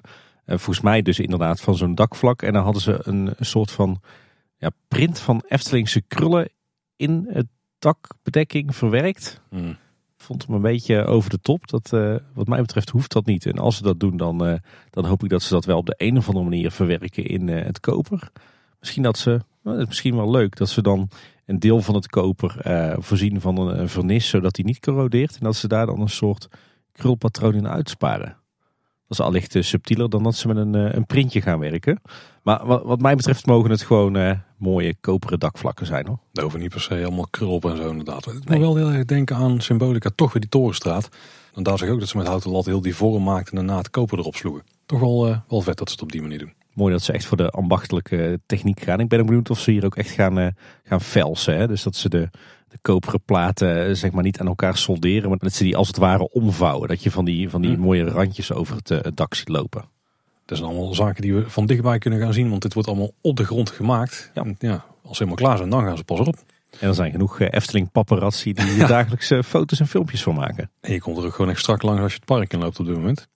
Ehm, ook is er een nieuwe geïsoleerde Romney-loods geplaatst. Maar of is het de loods die al op het terrein stond, die is verplaatst? Die op ditzelfde bouwterrein staat. Oeh, dat weet ik eigenlijk niet. Volgens mij staan er nu niet twee loodsen, toch? Hebben ze terrein ingedeeld? Ik, ik heb het eigenlijk nog niet echt goed gecheckt. En die staat naast de Torenstraat, achter de toiletgroep. Het servicegebouw is op dit moment eh, gesloten. En al de faciliteit die erin zit, die zit tijdelijk nu in het Huis van de Vijf Zintuigen. Het is wel zo dat de wandelwagenuitgifte die daar sowieso moest gaan komen, nou, die is dus in gebruik. Maar alle andere voorzieningen in het servicegebouw die zijn daar dus even tijdelijk heen gegaan. Dus ook de scootmobielen, de garderobe en de souvenir express die kun je daar niet vinden en of huren. Maar die gaan uiteindelijk wel weer terug verhuizen naar het servicegebouw. Dus dat gebouw blijft staan. Dus niet voor niks gebouwd, Tim. Nee, inderdaad. Uh, die dienst die verhuizen trouwens weer terug eh, zodra de werkzaamheden aan de parkeerpromenade afgerond zijn. Maar daar gaan we dadelijk nog even over hebben. Ook wordt er ook volop uh, aandacht besteed in, in signing aan de verplaatsing van deze voorzieningen. Want we zien verwijzingen op de schermen boven het, het kantoortje in het midden van het Huis van de Vijf Zintuigen. Het, het kraaiennest heet in, in jargon. Er staat ook wat mooie tijdelijke bebording op het voorplein van het Huis van de Vijf Zintuigen en bij het gesloten servicegebouw. Dat zijn volgens mij die borden die ze in eerste instantie gemaakt hebben voor oud en nieuw het afgelopen jaar. Dat zijn volgens mij betonblokken met erop ja, echt hele mooie gestileerde stalen bordjes met krullen. En daarin kunnen ze zeg maar de lijsten wisselen en, uh, en iedere keer een andere boodschap zetten. Ziet er ontzettend fraai en professioneel uit. En die gebruiken ze nu dus om ja, de bezoekers door te verwijzen naar het tijdelijke servicegebouw in het Huis van de Vijf Zintuigen. En wat ook wel mooi is, is dat uh, op diezelfde schermen, dus bij het, het kantoortje in het midden van het Huis van de Vijf Zintuigen, dat ze er nu ook andere informatie tonen. Ze laten namelijk een QR-code zien waarmee je de datum van je ticket kunt aanpassen, mocht je per ongeluk tickets voor de verkeerde dag hebben gekocht. Het Huis van de Vijf Zintuigen, of alle gebouwtjes eigenlijk onder de kap, die krijgen nieuwe kleurstelling. De Wonderwagenverre was daar de eerste uiting van. Ook de gastenservice aan de andere kant van het gebouw, die is nu voor het grootste deel al in de nieuwe kleuren geschilderd. Eigenlijk alleen het middelste gedeelte ervan moet nog gebeuren. En ik moet zeggen, ik begin er heel snel aan te wennen. En dit ziet er toch wel chic uit hoor. Die oude kleuren voelen in één keer heel ouderwets. Je voelt heel erg retro, ja, heel erg jaren negentig. Wat natuurlijk ook zo is. En ik vind ook een hele fraaie, stelvolle kleurencombinatie. En ook eentje die je ja, volgens mij prima kunt gebruiken in het, uh, het hele buitengebied straks. En die ook mooi aansluit op de stijl van het Efteling Grand Hotel. Ook mooi trouwens hoe ze dit schilderproject eigenlijk heel subtiel aanpakken zonder al te veel overlast voor de bezoekers. Hier geen bouwhekken, schuttingen en afsluitingen. Maar ze pakken het eigenlijk gewoon heel simpel aan. Met een paar hekjes en een schilder op een trapje. En uh, nou ja, de gastservice kan dus gewoon open blijven. En uh, de overlast is uh, zeer beperkt. Dus prima manier om dit uit te voeren. Wil je nou een goede indruk krijgen van hoe het hotel straks eruit komt te zien, zo in het gebied daar? Koshira, een luisteraar van ons die we regelmatig aanhalen, omdat die vrij creatief is en ook heel veel foto's trouwens plaatst uit de Efteling. Die we ook regelmatig tegenkomen in het park. Die heeft een fotomontage gemaakt in een luchtfoto en daar het hotel in geplaatst. En uh, dan krijg je toch wel vrij goed een indruk van hoe het er allemaal uit gaat zien. Dus check die zeker via de show notes als je die wil zien. En dan zullen we ook de meest actuele luchtfoto van onze vriend Nick plaatsen. Ja, dat is allemaal leuk Tim. Hè? Dans voor Kaveren, de, het hotel waar eindelijk wel aan gebeurt. Maar die infraprojecten, daar gebeurt het echt. Hè? Jij zegt het. Ja, ze zijn dus bezig met de renovatie van het parkeerterrein. Nou ja, het parkeerterrein zelf laat op dit moment een beetje met rust. Vooral die onderdoorgang, daar gaat het allemaal om. Hè. En daarvoor hebben ze eerst de verharding verwijderd tussen het servicegebouw en het toiletgroep. En dat is natuurlijk de plek waar die onderdoorgang moet komen. Ze hebben daar een puinbaan aangelegd voor bouwverkeer. Dus net daarbuiten. En op dit moment wordt de tunnelbak uitgegraven. En die heeft vol met water gestaan. Volgens mij hebben ze flink wat pompen inmiddels aangebracht om het allemaal leeg te maken. Ik zag dat ze zelfs een enorm gat naast die tunnel hadden gegraven. Zodat daar het water in wegliep en ze daaruit konden pompen. En ik voel dat dat misschien ook wel de reden is dat die bergingsvijver uh, aan de Kinkerpolder uh, overliep. Want volgens mij pompen ze het water uit uh, deze tunnelbak ook die kant op. Ja, kijk. Het is een enorm zwembad. Het is trouwens ook een drama om met de huidige grondwaterstand en regenval om überhaupt een droge bouwput te houden hoor, moet ik zeggen. Ik heb even staan kijken en het, het grootste stuk waar echt die onderdoor moest komen, dat was in ieder geval vrij. Ik zag wel eens daar ontzettend voorzichtig aan het graven waren. Je hebt zeg maar gewoon die graafbak hè, die aan uh, zo'n graafmachine zit. En ze zetten die met de hoek eerst in het, in het zand en daarna trokken ze ja, wel een hele schepper uit alsnog. Maar ik zou denken dat je gewoon hup, de ding pontificaal zo door het zand in laat scheppen. Zodat je zoveel mogelijk zand eruit haalt. Maar ze leken wat voorzichtig te zijn of zo. Kraanmachinist is ook een vak apart. Hè? Ze moeten nou, natuurlijk uh, uitkijken dat ze geen kabels en leidingen raken. Ja, daar was het dan misschien net niet voorzichtig genoeg voor. Overigens nou we toch over kranen hebben. Het viel mij op dat uh, Gubbels, de, de huisaannemer van de Efteling als het gaat om grondwerk, dat hij uh, hier werkt met een uh, elektrische kraan. Oh, vet. Een van de eerste elektrische kranen, denk ik, die werkzaam is in de regio. En nou ja, die is dus bij de Efteling bezig op dit moment. Ergens wel logisch, want op die manier kunnen ze natuurlijk veel werk uitvoeren zonder dat ze in de problemen komen met stikstof. Zeker, ja, tof. Waar we nog wel benieuwd naar zijn is, er komt een onderdoorgang. Die komt natuurlijk voor een deel onder de grond te liggen. Dat is vrij duidelijk met de graafwerkzaamheden die ze nu hebben. Maar hoe diep die onder de grond komt te liggen, dat is nog niet helemaal duidelijk.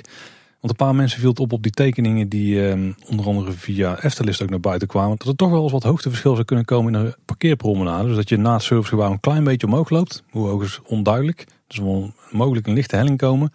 Dan een stuk boven die onderdoorgang hebt of het dus wat hoger is en daarna weer voordat je bij het toiletgebouw komt, wat lager ligt. Het zou wel bijzonder zijn, hè? Wanneer je zo'n eh, zo'n heuvel midden in de parkeerpromenade krijgen. Ja, zou er heel raar uitzien. Ja, en ik denk dat, ja, afhankelijk van hoe hoog je moet gaan lopen, het ook wel eens heel snel zou kunnen gaan worden. Wat, wat dan weer niet heel fijn is met kinderwagens en met rolstoelen die daar overheen moeten. Nou, waarom zouden ze dat dan doen? Gewoon puur om ervoor te zorgen dat, ze, dat die tunnel niet zo diep hoeft te Ja, worden. dat is het enige wat ik me kan voorstellen, ja. Ja. Ben ook benieuwd wat dat doet met het, eh, het aanzicht van het Huis van de Vijf Zintuigen. Ik hoop eigenlijk dat het niet het geval is, maar nou, nou, de tekening die lijkt er toch wel een beetje te verraden. Maar we, we baseren ons dan op één enkel pijltje op de tekening. Hè? Dus Ja, volgens mij wat, wat lijntjes die liepen her en der. Nou, het zal binnenkort duidelijk zijn. En misschien nog even tussendoor voor de mensen die met een elektrische auto naar het parkeerterrein van de Efteling gaan. We noemen in de vorige nieuwsaflevering dat tot 2 februari de laadpunten, of ergens in begin februari in ieder geval, de laadpunten niet beschikbaar zouden zijn. In een recent blogbericht hebben ze erover dat de oplaadpunten voor onbepaalde tijd niet beschikbaar zouden zijn. Dus daar moet je even rekening mee houden. Dus check van tevoren even of dat het inmiddels alweer kan. Volgens mij houden de website wat dat betreft redelijk goed up-to-date. ja, verder hadden we het de vorige keer over dat er nogal een omslachtige omleidingsroute is voor, eh, voor voetgangers om, eh, om zeg maar als het ware om die bouwplaats van die tunnel heen te lopen. En je moet dan eh, van de parkeerpromenade af en dan via een, eh, een tweetal asfaltwegen over het parkeerterrein wat op de schop is genomen eh, weer terug richting eh, de parkeerpromenade met een flinke zigzag. Ze hebben nu wat extra bebording opgehangen op de bouwhekken.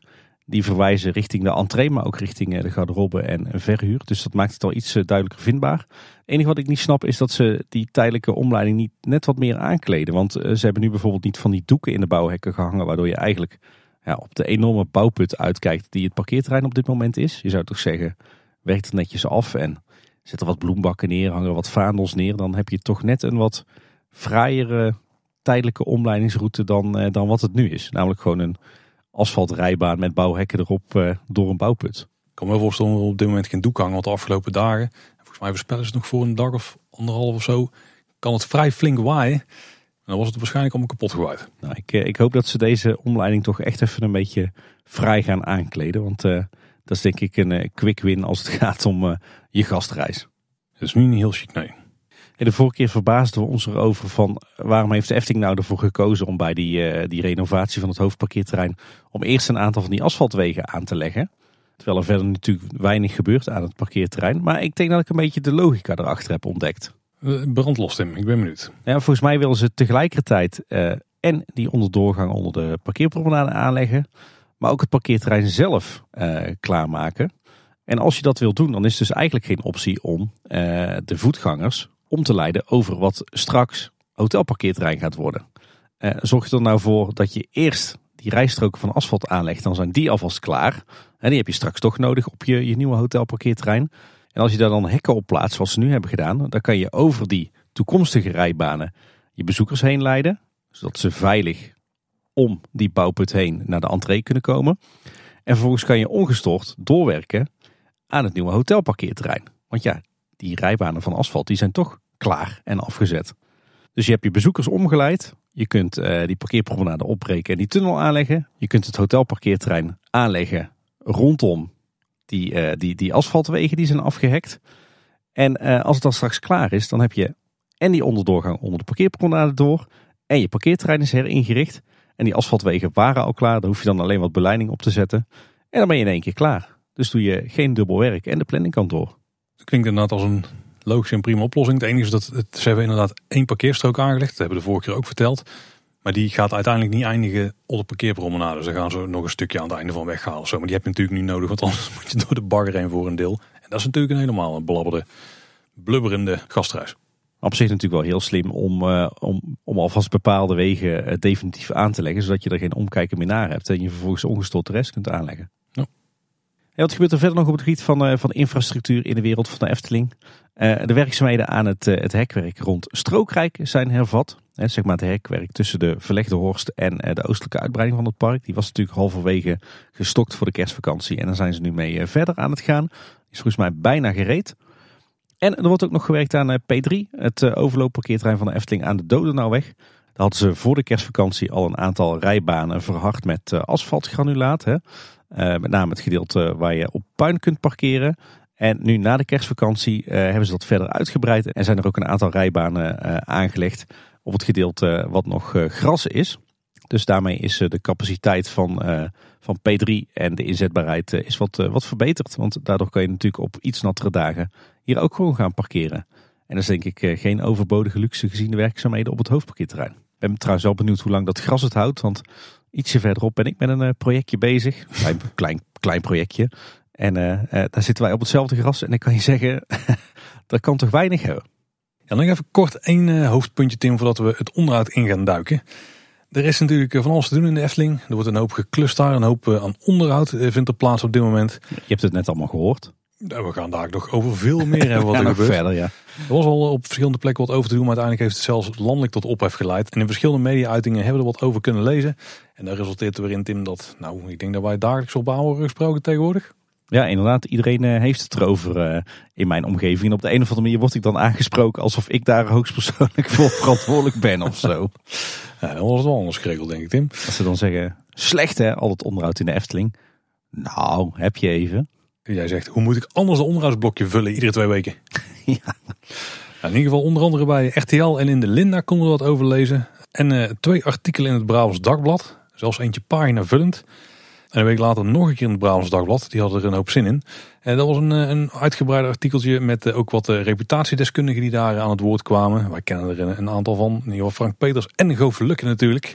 Ja, die verdedigen de Efteling overigens met hand en tand. Er werd in dat artikel namelijk de vraag gesteld. Moet de entreeprijs niet, niet omlaag? En Goof die wist feilloos dat te weerleggen door te benoemen hoe hoog de prijzen in de rest van Europa zijn. Dus dat deed hij goed. Daar werden vooral Disneyland Parijs en Fantasieland aangehaald. Maar ik denk dat het allermooiste artikel erover, Tim, toch weer kwam van De Speld. Die een aantal nieuwe sprookjes hadden verzonnen voor in Efteling. Ja, wat in de basis natuurlijk een uh, absurdistische nieuwssite is. Maar het zat uh, niet ver van de waarheid deze keer. Ik geloof dat hun voorstel was om de Efteling tijdelijk om te toveren tot sprookjesput in plaats van sprookjesbos. Ja, en ook met wat schitterende nieuwe sprookjes zoals de hijskraan en de zeven Bulgaren, de pratende graafmachine, hollebolle cementmolen, de vliegende sloopkogel, de Vata bouwhekken, de droomstijgers en de Villa Bouwkeet. Niet allemaal even goed, maar er zaten een paar sterke tussen, ja. Efteling scoort dus uh, ook bij de speld. Ja. Efteling die trok het zichzelf overigens wel aan. Ze hebben een aantal uh, maatregelen genomen om alsnog de pijn te verzachten van al die sluitingen en al die overlast in het park. Ik denk vooral rond uh, de, de uitkoop van Essent op 13 en 14 januari.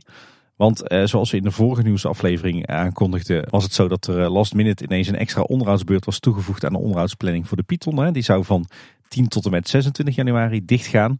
Uh, maar uiteindelijk duurde die onderhoudsbeurt maar drie dagen, namelijk van 10 tot en met 12 januari. En de Efteling die zei daarover, omdat we graag meer attracties open willen hebben, is de onderhoudsbeurt verschoven. We hebben een manier gevonden om het onderhoud uit te stellen. En als ik dan kijk op de onderhoudsplanning van de Efteling, dan staat er nu een extra onderhoudsbeurt gepland voor de Python van 5 tot en met 9 februari. Dus iets meer in het laagseizoen. En sowieso de, zou de attractie ook op 30 april en 1 mei even dicht zijn. En wat heel bijzonder was, is dat ze ter compensatie van het aantal gesloten attracties op het, uh, het plein bij Kapitein Gijs, vlak bij de ingang van de Python, zowaar een silent disco hadden opgezet. Ja, alle spullen zal nog liggen van de nieuw, denk ik. Ja, dat toch een eh, klein beetje als een tang op een varken. Om uh, zomaar ineens midden in de Efteling een silent disco neer te zetten. Ja, maar als het in een hoek van het park nodig was op dat moment, dan was het wel daar. Ja, maar ja, kan je een attractie vervangen door een silent disco? Is dat een waardige alternatief? Het is iets in het attractieve aanbod. Het voelt een klein beetje drievliet. Oh, oh oké. Okay. We gaan snel door, Tim. En misschien moeten we dit even nog één keer uiteenzetten, hoe het nou al precies zit. Maar ja, ik denk dat wij allebei wel van het standpunt zijn van, uh, joh, we hebben alle begrip voor de situatie in de Efteling. Kijk, al die investeringen zijn volgens mij hard nodig. Als je kijkt uh, in de landen om ons heen, of nou ja, überhaupt vlak bij huis. Als je ziet hoe Toverland nu investeert, hoe er in Walt Studios wordt geïnvesteerd. In Fantasieland, in Europa Park, zelfs in Liseberg. Ja, dat moet de Efteling mee. En dat betekent dat je gewoon op dit moment flink moet gaan investeren. Wil je de boot niet missen. Maar ja, al dat onderhoud is natuurlijk ook hartstikke noodzakelijk om ervoor te zorgen dat... Uh, ja, dat de kwaliteit van het park op peil blijft. En ik denk dat, dat de Efteling ook vooral niet dicht moet gaan in de winter. Hè, want we hebben al eerder uitgelegd, het is gewoon echt geen haalbare kaart om al het onderhoud en alle bouwwerkzaamheden in, in een paar maanden tijd te proppen. Ja, het is ook een beetje het samenloop van omstandigheden. Daar moeten ze natuurlijk rekening mee houden, maar dat kun je ze ook niet helemaal kwalijk nemen. Kijk, een bouwplaats ziet er heel anders uit als daar al gewoon een, eh, een gebouw staat, zeg maar. Transmacabre komt uit de stijgers, de oog meteen compleet anders dan dat daar met windgazen en met witte zeilen dichtgekluste stijgerconstructie staat, zeg maar. Hetzelfde was natuurlijk het geval geweest met het Efteling Grand Hotel. Daar had al gewoon heel de gevel van moeten staan. Een dak Ja. had er al op moeten zitten volgens mij tegen deze tijd, volgens de originele planning. Ook totaal anders dan wat nu het geval is. Nu is het inderdaad, want daar wordt dan over gegrapt een kale bouwvlakte zeg maar. Ja, daar is het nu inderdaad nog, maar dat had het eigenlijk niet moeten zijn. Dus dat doet het voor het oog ook minder goed dan als het al wat verder was geweest in het eh, traject. Ja, we hebben nu natuurlijk vooral heel veel infrawerk gezien met enorme impact. Natuurlijk eerst de hele Pardoespromenade die op de schop werd genomen. Toen het hele Dwarrelplein met die omleidingsroute. Nu weer het hele parkeerterrein en de parkeerpromenade. Dat zijn allemaal werkzaamheden die er niet heel erg ja, aantrekkelijk uitzien. eh, die vooral heel veel overlast veroorzaken. Ja, en eh, als het dan gaat om de toegangsprijs, hè, dat wordt natuurlijk ook in heel veel artikelen aangehaald op dit moment. Ik denk dat de Efteling sowieso al goedkoper is dan eh, Europese evenknieën. Maar zeker als je kijkt naar die prijsdifferentiatie. Ja, in het laagseizoen betaal je eigenlijk maar een schijntje voor de Efteling. En volgens mij slaan ze gewoon ongeveer een kwart van de prijs af, dus dat is niet heel slecht. Nee, nou ik zeg schijntje, dit is natuurlijk wel nog steeds heel veel geld. Zeker voor Ja, mensen met een, ja. een kleine beurs. Maar als je het in het grote geheel ziet van de Europese parken, dan is dat natuurlijk eh, ja, een, eh, een erg aantrekkelijke prijs. Ja, maar desalniettemin Tim, het is niet ideaal nu. Nee, ik denk hè, want eh, we, zijn natuurlijk een, een onafhankelijke podcast. Dus we mogen ook, ook best denk ik even kritisch kijken naar het geheel.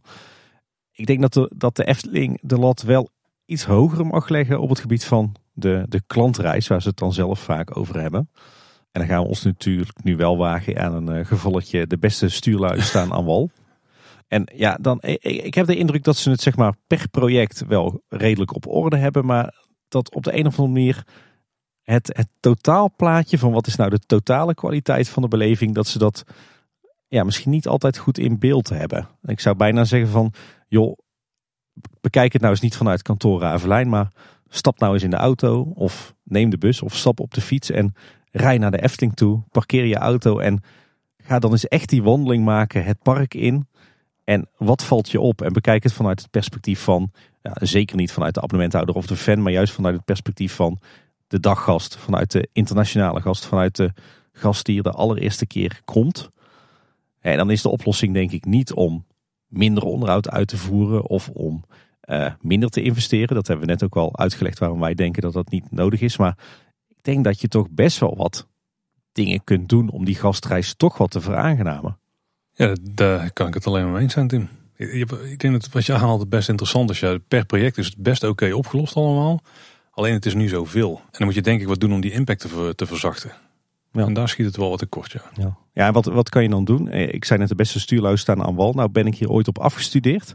eh, op dit onderwerp. Namelijk naar, naar ja, hoe ga je nou investeren of onderhoud plegen in een leisurebestemming die gewoon open is. En daarvoor ben ik op, bij heel veel leisurebedrijven op bezoek geweest. Niet bij de Efteling trouwens. Maar ben ik het gesprek aangegaan en het onderzoek aangegaan van hoe doen al die bedrijven dat nou? En dan, dan heb je een aantal instrumenten. Maar ik denk een aantal instrumenten die je bij de Efteling gewoon goed kunt inzetten. En die de Efteling ook deels wel doet is zorg dat je al die werkzaamheden nou eens opknipt in kleine fases. Hè, dus dat je niet alles tegelijk doet. Eh, beperk de overlast, werk met tijdelijke voorzieningen. En ga vooral positief communiceren. Hè. Dus vertel wat je doet en laat vooral die positieve kant zien. En ja, ik denk dat er best wel wat, wat, wat te winnen valt. Hè. Wat ik net zei, zo'n tijdelijke omleidingsroute over het, parkeerterrein. Eh, Kleed die nou eens mooi aan. Niet alleen met bouwdoeken, maar zet daar bloembakken neer. En zet wat interessants op die bouwdoeken.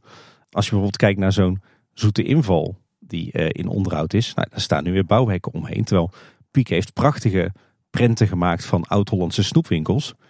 Waarom, waarom print je dat niet op zo'n bouwdoek? Of waarom kies je er daar niet juist voor om wel gewoon een nette houten schutting te zetten met mooie piekse elementen? Of we weten natuurlijk dat binnenkort dat er eh, één voor één een aantal huisjes in het Lavelaar aan de beurt zijn. Ja, in plaats van dat je daar ook weer gewoon die bouwhekken omheen zet, kan je daar volgens mij er ook voor kiezen dat je wat doet met het verhaal van de laven. Want volgens mij heeft Tom van de Ven ooit een prachtige prent gemaakt van de laven die het Lavelaar aan het bouwen zijn. Doe wat met die tekening, doe wat met het verhaal. De, de laven zijn hier hun huisjes aan het opknappen, werken aan hun dorp. Eh, volgens mij kan je daar veel meer mee. En met hoe, hoe maskeer je nou die werkzaamheden? Hoe, hoe betrek je daar nou een stukje storytelling in? En ze hebben het natuurlijk een klein beetje geprobeerd met bouwmeester Big, maar dat hebben ze ook weer totaal losgelaten. Ja, ik had wel verwacht dat er iets meer in die keten ging gebeuren en zo bijvoorbeeld. Ik denk dat er echt wel meer oog kan zijn voor wat is nou het totaalplaatje? Hoe ziet nou die gastreis eruit? En hoe pak je nou het terugdringen van die overlast nou net eh, een stapje creatiever aan misschien? Hm. Of zo'n bijzonder voorbeeld van die gastreis eh, en van het totaalplaatje. Eh, we waren laatst in de Efteling tijdens eh, de, de Rexel-dag. Dat Dat was ook een bedrijfsevenement waar abonnementhouders van de Efteling welkom, welkom waren. En op zich hadden ze dat wel netjes gedaan. Zeg maar, alles voor dat evenement was opgebouwd op het theaterplein. En dat hadden ze netjes afgehekt. Maar wat hadden ze nou gedaan? Ze hadden die bouwhekken wel van doeken voorzien aan de kant van het evenement. De andere kant van het hekwerk, wat zeg maar aan de looproute van de dagjesgast stond, daar hadden ze geen bouwdoeken op gehangen. Dus zodoende keek je tegen de bouwhekken aan en de achterkant van het doek wat aan de kant van het evenemententerrein zat. Als het ware wij een bouwvakker waren aan een project binnen de Efteling. Ja, ja dat denk ik. Ik snap hem, maar ja, als je zegt van ja, hè, hoe wil je nou al die negatieve aandacht uh, over nou ja, wat dan misschien uh, wel of niet een puinhoop is in de Efteling. Hoe zou je dat nou kunnen terugdringen? Ja, dan zijn dit natuurlijk wel de, ja. de, de quick fixes, zeg maar. Ja. Dus, Efteling, step up your game. Kunnen we dat zeggen? Doe er wat aan. Op naar die 9 plus, hè? Op dit vlak ook zeker, ja. Ja, zeker ook op dit vlak. Ik denk dat dat inderdaad wel een goede samenvatting is. De Efteling streeft 9 plus na. Doe dat dan ook op het uh, gebied van het beperken van overlast van investeringen en onderhoudsprojecten. Wij willen aangename overlast. Zeker, en ik denk dat het bij ons tweeën nogal snel aangename overlast is. Hè? Want wij kunnen vooral ook genieten van al die projecten. Ja, dan moeten ze eigenlijk zo min mogelijk bouwdoek ophangen. Ja, precies. Die blokkeren alleen maar de zicht op al die werkzaamheden. Maar ja, wij zijn misschien ook weer uitzondering op de regel. Nou ja, jij zegt dat, maar dat is iets wat de Efteling al, al jarenlang doet. Ik kan me nog aardig wat projecten herinneren waarbij er inderdaad een grote houten schutting om bouwplaatsen stond, maar waar wel mooie kijkraampjes in waren verwerkt. Ja, die zitten dus wel in bij Dans Macabre, maar op een bijzondere plek waar je helemaal niks kunt zien. Ja, inmiddels kun je een viool zien. Dat was dan interessant. Een ander stuk, uh, wat keek je tegenaan? De achterkant van een boom of zo. Ja, maar inderdaad, dat is een manier om juist heel erg positief te communiceren over je werkzaamheden. Ja. Ik denk maar waarom doen ze dit nou allemaal? Maar waarom ligt het park er niet op alle plekken even top bij? Omdat er een berg onderhoud wordt uitgevoerd. En daarover moeten we het natuurlijk weer gaan hebben in ons onderhoudblokje. En daar worden wij heel vrolijk van. Nou, vooral van het resultaat van het onderhoud natuurlijk. Net zoals de rest van Nederland. Nou, ook al van de reis tot naartoe. Ja, wij wel, wij wel. Als we dan beginnen in het Fantasierijk, dan zien we daar de eerste geslaagde opknapbeurt. Want uh, boven het winkeltje glad ijs zit zo'n uh, mooi dakkapelletje in het koperen dak. Die was er lange tijd slecht aan toe. En uh, die omlijsting die is inmiddels vernieuwd en dat ziet er weer netjes uit. Ja, wat nog niet helemaal klaar is, is natuurlijk, nou niet helemaal zo'n understatement, het grote onderhoud bij Piranha en Anderrijk. Want na de opstaphal worden nu alle muren en andere bouwsels rond de baan ook voorzien van stijgers en waterdicht ingepakt. Dus ik denk dat iedere vierkante meter stukwerk in die attractie onderhoud gaat krijgen. Ja, volgens mij is dat eh, de allereerste keer in de geschiedenis van de attractie dat dat zo enorm grondig eh, wordt aangepakt. En veel grondiger dan dit kan gewoon niet. Nee. op diverse plekken in, in de baan zijn nu kooiconstructies gebouwd, als het ware, voor de nieuwe rotspartijen. Het ziet er eigenlijk eh, uit als een heleboel winkelwagentjes op zijn kop. Ja, van die gaasbakken waar een hoop stookhout of zo in opgeslagen wordt, weet je wel, op elkaar gestapeld. Ja. Op zich denk ik wel een hele slimme manier uh, om uh, licht te construeren. Maar ja, zo bouwen ze eigenlijk in de hele attractie nu de nieuwe rotsen uit. En wat opviel is dat daarin ook de openingen worden meegenomen waar straks de watervallen uitkomen. Volgens mij ook wel wat, wat leidingwerk al. Um, een aantal van die kooiconstructies als het ware, of eigenlijk de, de onderconstructies van die nieuwe rotspartijen, die worden nu in de stijgers gezet. Ik denk dus dat ze daar binnenkort uh, vorm in gaan aanbrengen met, uh, met betongaas. Ja, ik denk dat ze nog volledig los hieromheen gaan doen. Eigenlijk vergelijkbaar met hoe ze het bij Symbolica hebben gedaan. Maar daar hebben ze toen een hele stijgerconstructie onder die rotsen gebouwd.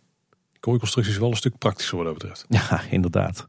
Overigens viel me op in de hoek bij Joris en de Draak. Zeg maar die, die allereerste rotspartij die, je, die je tegenkomt in de baan als je uit de tunnel bent. Daar werken ze dan weer niet met zo'n kooiconstructie, maar daar zie ik nu dat ze daar eh, vier grote stalen kolommen hebben aangebracht tegen de bestaande achterwand. Dus wellicht dat ze daar dan het betongaas eh, aan vastmaken waar ze die, die rotsen op modelleren. Heel tof eh, project om te zien. Ja. Ja, dan door naar het, het Ruigrijk. Daar wordt gewerkt aan de fontein voor station de Oost.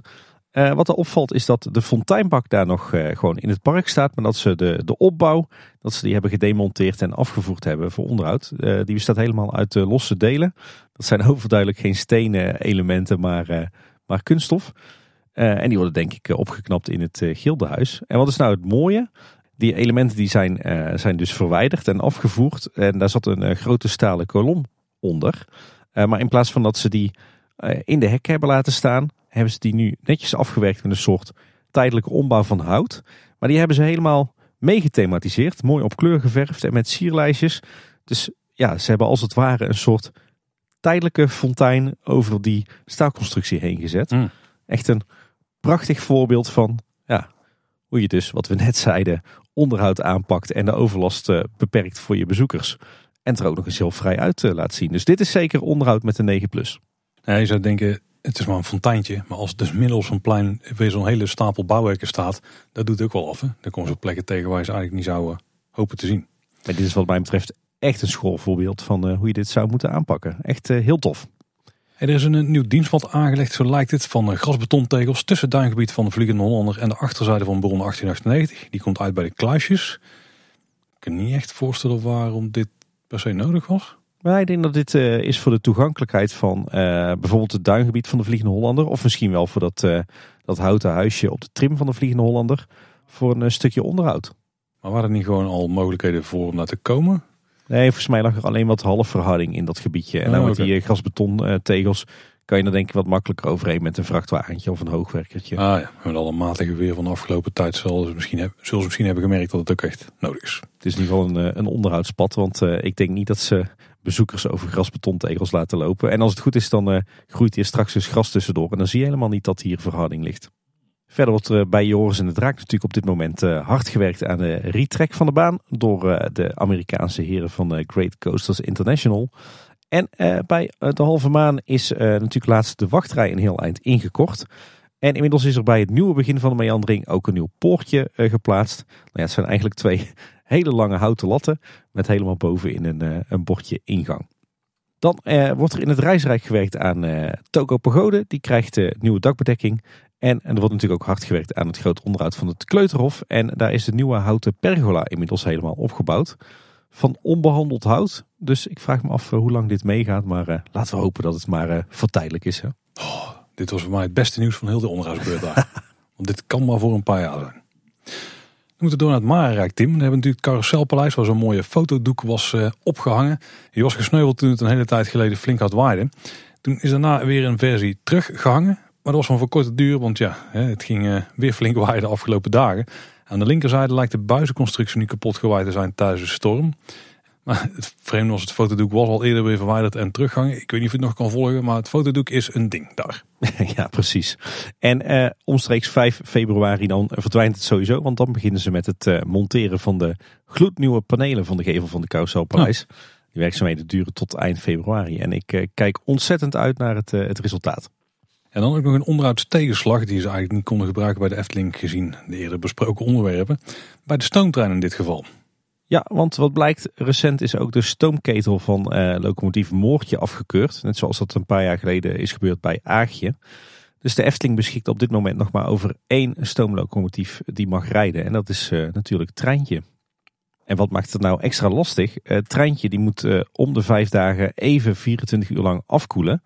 Uh, omdat de stoomketel dan pas dusdanig is afgekoeld dat ze er uh, kunnen ketelwassen. Eigenlijk als het ware de, de kalkaanslag verwijderen uit uh, de stoomketel. En dat betekent dus dat de stoomtrein de komende tijd ja, om de vijf dagen niet rijdt. En we zien inmiddels ook in de onderhoudsplanning op de Efteling website ook inderdaad al een aantal dagen waarop de stoomtrein aangegeven staat als, als gesloten. Misschien een, eh, een bijkomend voordeel hier kan zijn, is als de stoomtrein dan toch een stuk minder rijdt, dat ze ook een stuk minder stikstof uitstoten op dit moment. Dus je weet is dat weer goed nieuws voor de bouwprojecten. Klein voordeeltje. Lubbock heeft even gecheckt wanneer de stoomtrein weer op volle kracht zou kunnen rijden, maar dat is nog onduidelijk. De Efteling kan Loopings in ieder geval niet vertellen wat er nou precies nodig is voor de terugkeer van Moortje en hoe lang dat dan uh, zou duren. En de toekomst van Aagje is ook nog onzeker. Zou dit dan een natuurlijk moment zijn om uh, de stoomloks om te bouwen qua warmtebron? Of zou dat nog te vroeg zijn? Ik denk dat het nog iets te ambitieus is. Ja. Hey, we hadden het net al over het, uh, het groot onderhoud aan de vele huisjes in het Lavela, wat gepland staat voor 2024. Uh, eh, luisteraar Bjorn die heeft daar een uh, prachtig plattegrondje van geklust, waarin dat hij alle onderdelen die in onderhoud gaan rood heeft gemarkeerd. We zullen een, een, linkje in de show notes zetten. Was overigens de, de laafmuur nog vergeten. Maar wat mij opviel als je naar dat overzichtje kijkt, is dat eigenlijk alle huisjes en onderdelen van het Lavelaar die vorig jaar niet aan de beurt zijn geweest, die worden dit jaar allemaal onder handen genomen. Dus er straks is in een periode van twee, drie jaar tijd echt iedere vierkante meter van het Lavelaar aan de beurt geweest. Hm. Ook is in Maarrijk het onderhoud aan een stenen kip gereed. De kip is nu ook weer terug, er zit ook nieuw plexiglas voor. Wel bijzonder is dat je hier alleen nog maar contactloos kunt betalen. Dus je kunt überhaupt geen muntgeld meer erin gooien. Die betaalmethode is ook gewoon volledig uit de sokkel verwijderd Het gebouwtje zelf ziet er wel heel chic uit. Nou? Ja, het is echt heel vrij opgeknapt, heel mooi ingeschaduwd. Een uh, andere onderhoudsklus die is uh, afgerond in het Maanrijk is de kiosk bij het Witte Paard.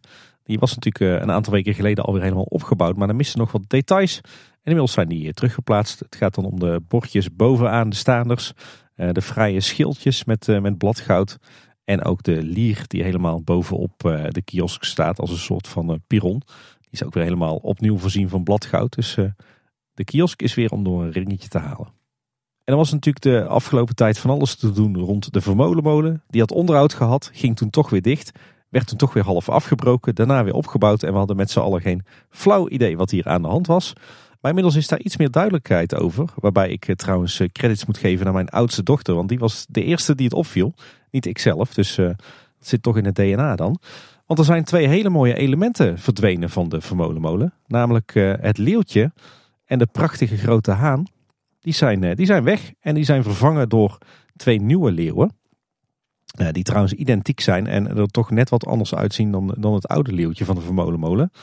Het lijkt erop dat uh, dat niet door de Efteling zelf is gedaan, maar dat ze dat uit hebben besteed aan de familie Vermolen.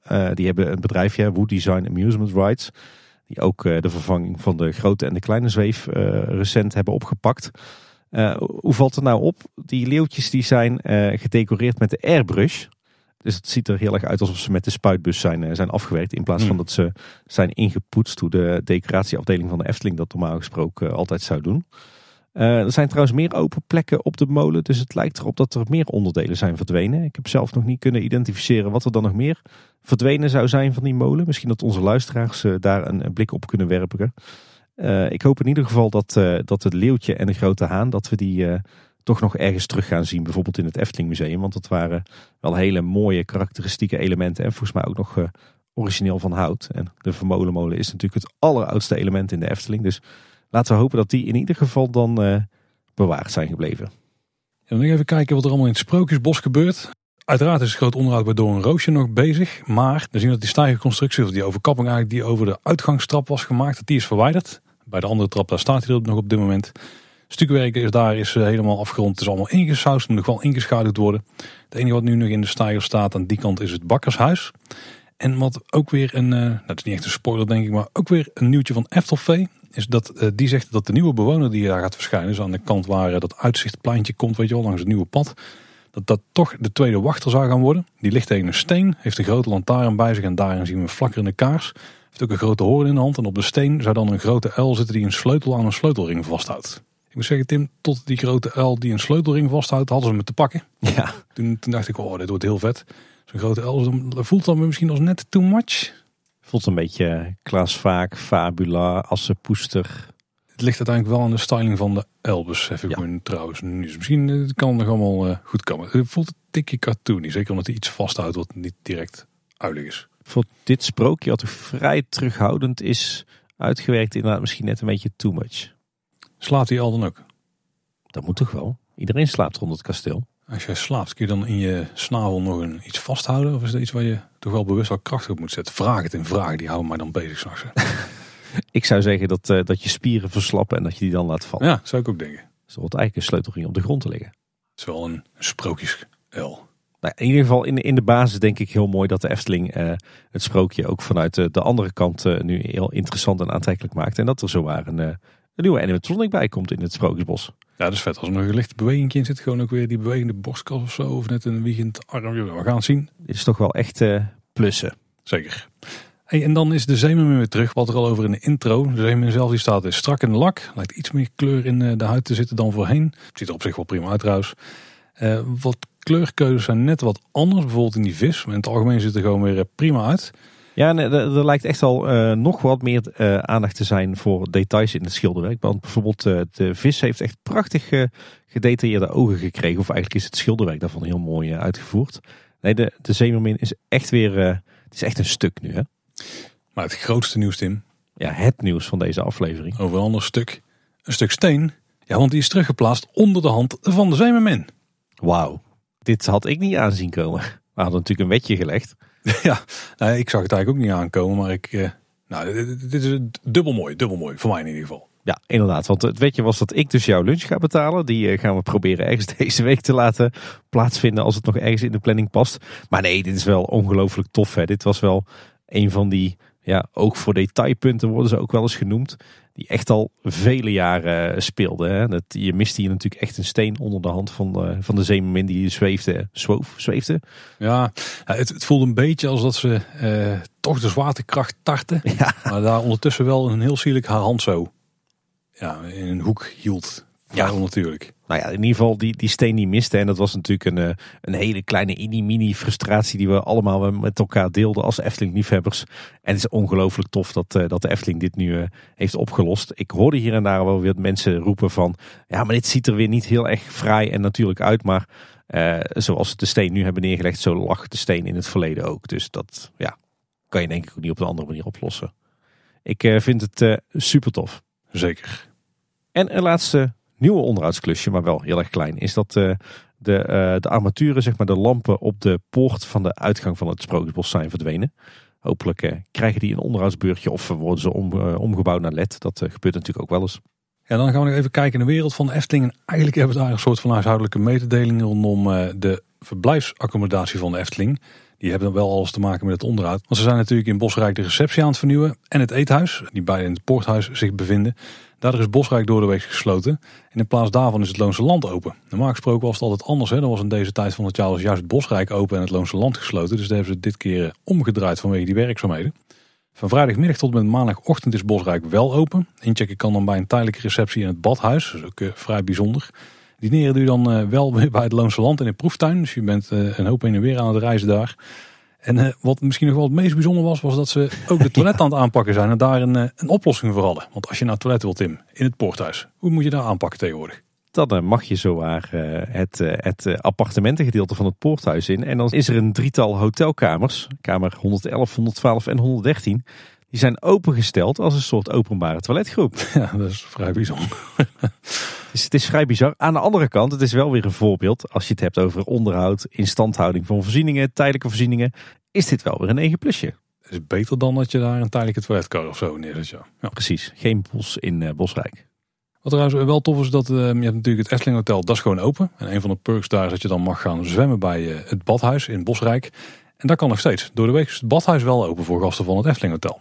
Ja, en de hele renovatie zou op maandag 29 januari klaar moeten zijn. Dat is overigens de dag waarop deze aflevering uh, uitkomt. Uh, en ja, we hebben het er eerder al over gehad. Uh, Bosrijk en zeker ook het eethuis is echt wel mijn, mijn safe space of mijn happy place. En ik ben enorm gehecht aan die, ja, weet je, die landhuisuitstraling die je hebt in het eethuis. Met die donkere houtkleuren en die prachtige schildering van Diego Teroba. Ik heb deze plek zelfs enorm bejubeld in een aflevering die nog uit moet gaan komen. Ergens de komende maanden. Uh, maar wat ik tot nu toe heb gezien van bouwfoto's is het toch allemaal heel erg licht en wit. En ik zag wit geglazuurde Tim, tegeltjes. Tim, Tim, en hou je in, hou je in. De schilderij is weg. Nee, dat komt misschien nog terug hè? Nou, zelfs, zelfs de bakstenen wit gesausd. Nou, la, laten we even... Ja. Ja, ja, ja, ja, Nou, laten we inderdaad even wachten met ons oordeel tot het uh, daadwerkelijk klaar is en uh, geopend. En nou, je weet dat ik dan wel even een lunch ga doorbrengen daar om zelf te gaan bekijken wat het geworden is. Tim, we gaan door naar het kort nieuws. En dan beginnen we misschien met, met een enorm kort nieuwtje. Super voor liggend. Maar de Efteling is door de ANWB uitgeroepen tot het leukste uitje van 2024. Hoppa, verdient toch? Ja, uiteraard, uiteraard. Zeker met al die uh, werkzaamheden die je kunt aanschouwen tegenwoordig. Schitterende extra belevingslag. Nou, volgens mij was de Efteling vorig jaar was het een keer niet, toch? Nee, ja, het is een beetje stuivertje wissel met van alles en nog wat. Je kunt niet altijd dezelfde op nummer 1 zetten, want dat zou ook vreemd zijn. Dat, wat mij betreft kan, kan dat allemaal prima. Maar zo gaat dat bij dit soort awards. Maar Tim, veel interessanter is dat er nog meer Eftelvee geruchten waren. Want die klapt over veel uit de school de laatste tijd. Ik denk als er in de Efteling een, lijst, een soort van zwarte lijst is, dat de Eftelvee nu wel op één staat. Nou, kijk, het is natuurlijk zo dat voordat onze podcast begon, toen was het paddenstoelenparcours al gesloten. En blijkbaar hebben ze wel serieus gekeken om naar wat andere invulling te plaatsen. En er zijn blijkbaar wat plannen geweest tussen 2018 en 2019 voor de opening van een andere attractie. Eigenlijk een attractietje überhaupt in het Sprookjesbos. Toen was de Zes Zwanen in aanbouw rond die periode, net aangekondigd. En dat zou gaan uh, over een kaboutermijn. Die zou kunnen gaan verschijnen. Nou, ik denk dus op de plek van het paddenstoelenparcours. Maar dat is niet helemaal duidelijk uh, aan de hand van die plannen. Maar je zou het zomaar kunnen voorstellen. Het zou een aanvulling zijn op het Kabouterdorp met erin een klein ritssysteem. Nou, misschien een beetje de situatie te schetsen. Er was uh, een plan dat heette Sprookjesrijk. Daarbij zijn in een korte tijd heel veel ideeën uitgewerkt in schetsvorm. Dus zonder er heel erg veel tijd te spenderen. Die meegenomen zouden kunnen worden als het Sprookjesbos zou gaan uitbreiden richting de parkeerplaats. Nou, dat was een project dat Robert Jaap Jansen leidde. En alle ontwerpers die droegen daaraan bij. Het is wel zo dat het Efteling Grand Hotel toen nog niet heel erg ver uitgekristalliseerd was. Dus dat ook dat gebied mee werd genomen in die plannen. Dus dan heb je vrij veel ideeën nodig. Maar die kaboutermijn was er ook onderdeel van. Maar dus niet voor dat deel, maar als uitbreiding van het bestaande kabouterdorp. Deze zat wel vrij dicht tegen nou, in ieder geval een soort van groen licht voor een volgende fase aan. Net zoals blijkbaar een bibliotheek van de Sprookjesproklaar, wat ook nog een plan was wat leefde. Klinkt wel als een, een, een, een typisch Efteling plan, ja. Ja. Andere sprookjes die werden genoemd waren onder andere Jaapje en de Bonenstaak, de Rattenvanger van Hamelen. En daarbij dacht men ook aan een restaurant en een dorpsplein in de buurt van het Dwarrelplein sluit aardig aan op de ideeën die jij ooit hebt geuit in deze podcast over de toekomst van het Sprookjesbos. Hè? Ik zie het nog steeds wel voor, maar ik denk dat er nog steeds wel mogelijkheden zijn. Misschien niet zo groot. Nou, ik had dus niet per se groot in gedachten. Maar nou, dat is allemaal toekomstmuziek, Tim. Misschien even terug naar, die, naar het geheim van de kaboutermijn. Want daar zat ook een impressietekening bij. Het zou een combinatie gaan zijn van een kabouterboom. Maar misschien was het wel gewoon de boom van een musicerende kabouter. Want daar leek hij enorm op in de schets. Ja. Dat in combinatie met een beetje die Flaming verder uitstraling. Dus wat je, wat je ook kent uit de Hobbiton weet je wel. De groene heuvels met daarin allemaal gebouwen. Daaronder allemaal deuren en zo. En veel rotsen. Ja, een vliegenzwam, wat schoorsteentjes. Had ook nog een watervalletje in en een water ervoor. Ja, nogmaals, het zou dus zomaar op de plek van het paddenstoelenparcours uh, beoogd hebben kunnen zijn. En er zou ook een ritssysteempje inkomen. Houten wastobbers, daar zou je dan in zitten met, ja, ik denk twee tot vier personen afhankelijk van hoe groot die zijn. Die kennen het ook wel uit andere parken. In Tripsdrill heb ik zoiets gedaan volgens mij. Die kunnen ook... mini dark ride hè? Ja, ik denk dat het de schaalgrootte echt wel zes zwanen was. Misschien was nog wel een tandje kleiner. Maar het ritssysteem heeft wel minder ruimte nodig en is misschien wel flexibeler. Uh, en kan een tikje spectaculairder worden. Want die wastobbers die je kent uit andere parken, die kunnen ook vaak uh, ronddraaien en zo. Ja. Vrij hard. Wat ik trouwens wel een heel leuk detail vond, is dat uh, er ook een soort uh, zwamkoortje uh, in de attractie zou gaan komen. Wat een fantastisch eerbetoon is aan een, een eerder plan van Tom van der Ven, wat nooit is gerealiseerd, voor de zwammers. Ja, klopt ja. We hebben ook ooit besproken trouwens in een van onze afleveringen over niet gerealiseerde projecten. Maar ik zal even een linkje in de show notes doen naar Eftepedia, waarin je dat, dat plannetje van Ton kan zien. En nou ja, dat is bijna één op één door, overgenomen in de impressietekeningen voor het geheim van de kaboutermijn.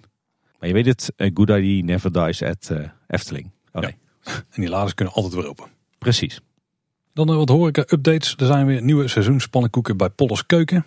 Twee varianten uiteraard. De hartige pannenkoek die ham heeft, pompoen, truffeltappenade, geitenkaasbolletjes, rucola, truffelmayo, cranberry kompot en rode bietenkrumbel. Nou, ik denk dat ze alle bijzondere ingrediënten die ze maar konden verzamelen bij de groothandel even op een hoop hebben gekieperd en dat dit eruit is gekomen. Toch spreekt men dit qua smaken wel heel erg aan hoor. Bij, bij, bijna een herfstpannenkoek. Zo ja, eigenlijk is hij veel te laat. Hm. Er is ook een uh, zoete pannenkoek. Die is wel voor de hand liggender. Er zitten ananas op, gember, kaneelijs en peperkoekmannetjes. Nou wel, de laatste. Klinkt ook heel goed. Gember en kaneel ook. Lekkere smaken zeg. Peperkoekmannetjes, ook uh, prima. En uh, er is ook iets nieuws. Een seizoensdessert. Die hebben we niet eerder gezien volgens mij. Ja, of we, we wisten er nog nooit van. Dat, dat zou er altijd in zijn geweest. Dan mogen ze dan beter aanprijzen. ja, precies. In dit geval een appelfleurtje met twee bollen kaneelijs, slagroom en karamelsaus. Klinkt ook heel goed. En een uh, appelfleurtje is volgens mij een gebakje wat door uh, Robert van Beckhoven is verzonnen ooit. Hè? Had Erik die niet bij toen hij hier op visite was?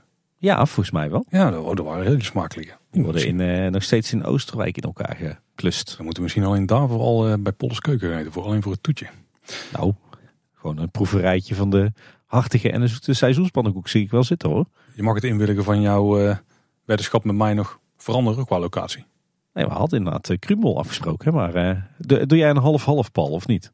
Oh ja, nee, die, die, die hartige geef ik helemaal niks om. Maar je mag wel van mijn zoete proeven als ik die dan pak. Nou, goeie, goeie deal. maar mogen ook gewoon een Krumel in oh, Als ik trakteer dan, ja, nee, dan hoef ik me daar niet schuldig over te voelen.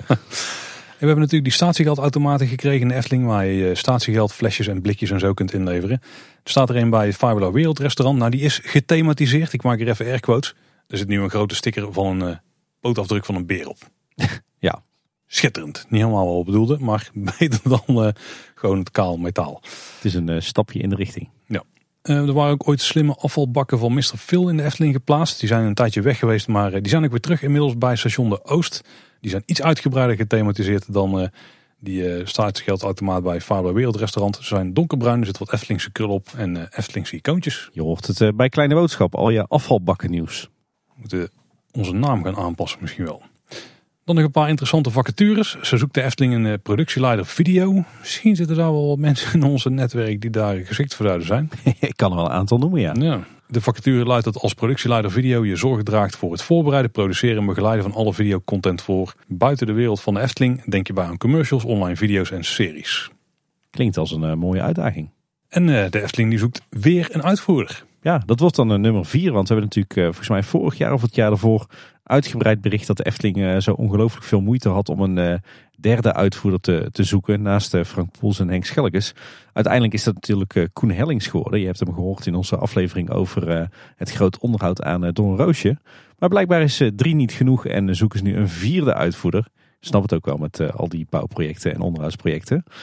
En wat doe je dan? Nou, als uitvoerder begeleid je de uitvoering van multidisciplinaire strategische projecten. Je hebt de verantwoordelijkheid om projecten op een veilige, verantwoorde en kwalitatieve wijze ten uitvoer te brengen.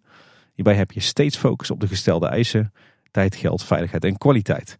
Je regisseert dagelijks de werkzaamheden van interne diensten, externe aannemers en leveranciers. Lijkt mij een super vette functie. Het is wel een Tim dat Henk natuurlijk binnenkort met pensioen gaat. Zou dit gewoon de opvolger van Henk zijn? En volgens mij was Koen initieel ook al. Maar ik heb het idee dat ze dus echt wel minstens drie uitvoerders nodig hebben. Dus dat, uh, blijkt al uit zo'n vacature op deze natuurlijk. Ik uh, heb ineens wel een uh, meer pakkende slogan in mijn hoofd. Oeh, vertel. Word jij de nieuwe Henkes? dat is wel voor insiders. Hey, een klein stukje follow-up in het kort nieuws. We hebben de vorige aflevering, vorige nieuwsaflevering gehad over die splitsing tussen medewerkers attracties en operator attracties. Maar daar blijkt het niet helemaal uit de lucht te komen vallen. Nee, want uh, wat blijkt, tenminste dat hoorden we van, uh, van meerdere medewerkers uh, in onze mailbox. Voorheen kon je als attractiemedewerker in de Efteling drie kwalificaties hebben. Een A, een B en een opstartkwalificatie. En die B-kwalificatie samen met de opstartkwalificatie, die wordt nu de operatorfunctie. en wat voorheen de A-kwalificatie was, dat wordt nu gewoon de medewerker attracties. wat nieuw is, is dat er nu ook een verschil in salaris gaat ontstaan tussen die twee functies. En ik vermoed dat dat dus ook is onder de bestaande medewerkers. En dan nog een wisseling van de wacht op een interessante post eh, op het gebied van entertainment binnen de Efteling. Sandra in het Groen was altijd creatief conceptspecialist entertainment. Maar die gaat opgevolgd worden door Mark van Haasteren vanaf 1 februari. En Mark die is theatermaker, kinderregisseur, castingdirector en schrijver en acteur. En die is al eerder bij de Efteling betrokken geweest. Onder andere voor projecten rondom Jokinet en Sprookjesboom. Denk ik wel de twee meest succesvolle projecten als het gaat om eh, IP. Ik zit er snel om over langs te gaan, maar ik kan niet andere verzinnen inderdaad. En uh, hij is ook zeer actief geweest uh, bij Van Hoorn Entertainment, die natuurlijk ook een hoop kindertheatershows in Nederland hebben gepresenteerd. Zeker inderdaad. Bekend van uh, Titus en Fien en van heel veel externe IP zoals Peppa Pig. En van een park wat ik een zeer warm hart toedraag en jij niet. Avonturenboerderij Molenwaard. Ja, het bestaat. Dat bedrijf is echt lekker bezig, vind ik. En dan hebben we nog een lijstje met verschillende interessante linkjes die je kunt checken in alle uiterste hoeken van het internet. Beginnen we met een Twitter-account, hè? X is dat tegenwoordig, hè Paul? Nee, de URL staat gewoon nog twitter.com in Tim. ja, dat weet gewoon. Blijf het gewoon noemen. Ja, ja we, we delen natuurlijk vaak de foto's van uh, Leon Weterings op het Twitter-account Leon Efteling. Maar uh, Leon heeft geduchte concurrentie gekregen, voor zover er sprake is van concurrentie. Uh, namelijk het, het account Sneeuwheksje. Eh, te bereiken via twitter.com slash sneeuwheksje. Uh, dat is het account van Saskia, volgens mij ook een luisteraar van ons. En zij post ontzettend veel foto's van de Efteling uit begin jaren 2000. En dat is ontzettend tof om, uh, om te volgen. Echt een, een reis terug in de tijd. Hele gave foto's daar. Ja, een vrij goed aangeschreven website binnen de Teampark wereld is Team Park Insider. Geschreven door Robert Niles. En die hebben een artikel gepubliceerd met de titel Six Reasons Why You Should Visit Efteling in, 2000, in 2024 deed bijna het jaartal in het Nederlands. En uh, daarbij uh, steekt hij eigenlijk gewoon de lof over de Efteling in het algemeen. Uh, ik denk dat Robert niet in de afgelopen paar maanden in de Efteling is geweest, maar in het verleden wel een aantal keren. En die is altijd heel erg positief geweest over de Efteling. Best wel tof om de Efteling nog eens te bekijken door de blik van een, een buitenstaander. Iemand die ook heel veel in de Disneyparken komt. En het mag misschien niet onvernoemd gelaten worden. En dat doet, doet hij zelf ook niet in het artikel. Dat de Efteling twee keer is uitgeroepen tot beste teampark ter wereld door die website. Door alle lezers die daar kunnen stemmen.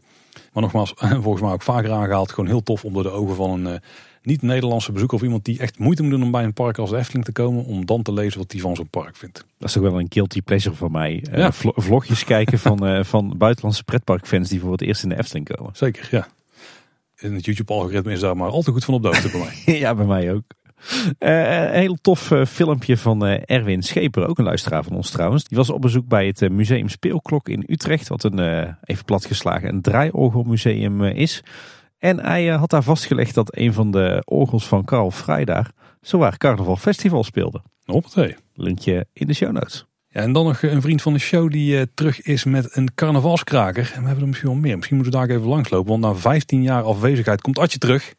Atje is natuurlijk het krachten van Arjan van Bavel. Die in aflevering 350 kan horen van Kleine Boodschap. En eh, de carnavalskraker eh, gaat heten Dat is niet mijn probleem. Check het linkje in de show notes. En dan zie je misschien nog een bekende kop langskomen. Ja, meermaals. In, in functie eigenlijk, hè?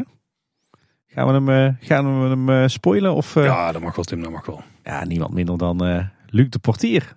Zit gewoon in de carnavalzit van Atje. Ik moet ook zeggen, er zijn wel meer Efteling-liefhebbers die iets met carnaval en carnavalshits hebben. Thomas van Groningen die heeft eh, onder Lanterfantje heeft hij weer een nieuw nummer uitgebracht. Met Benny Solo trouwens. Hè.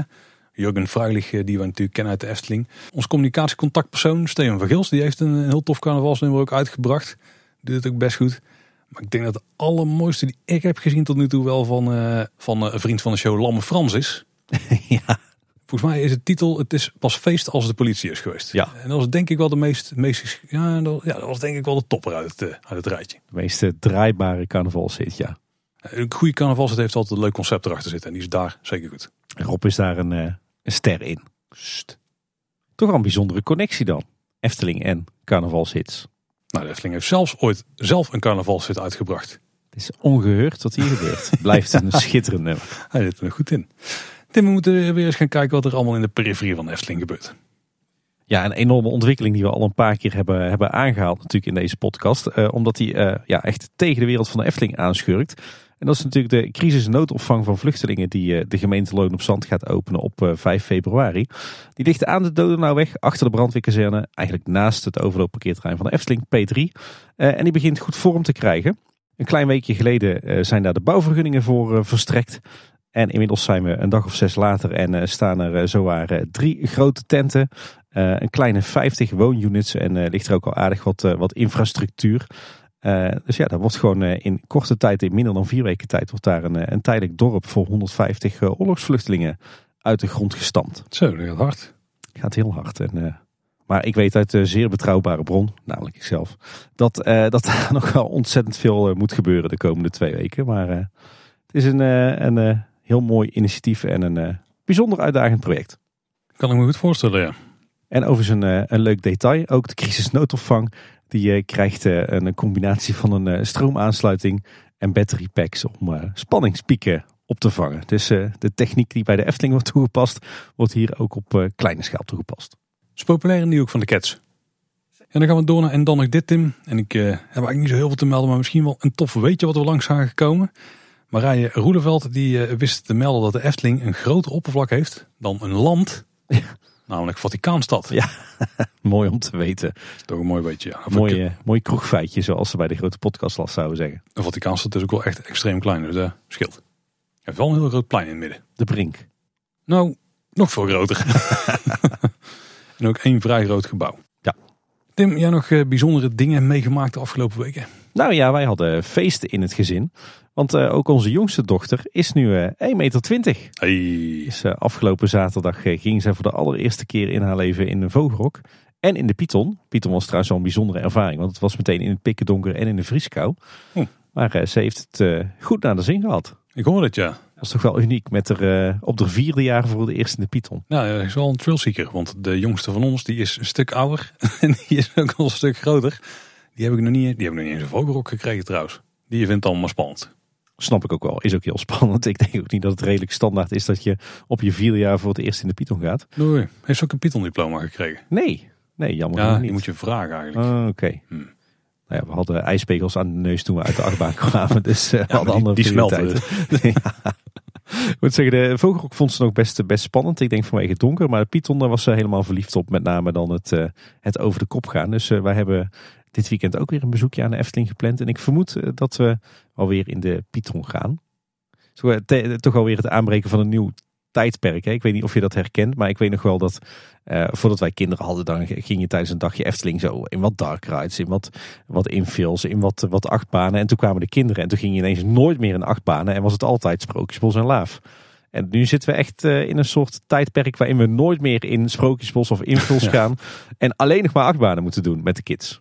Ja, de oudste bij ons die heeft wel een mooie eh, stappen doorlopen wat dat betreft. Want die, heeft al wel een tijdje dat bepaalde dingen vindt ze dan ja, niet per se saai, maar daar gaat ze er minder, minder graag in dan in de achtbanen. Maar die heeft de achtbaan echt stuk voor stuk ontdekt.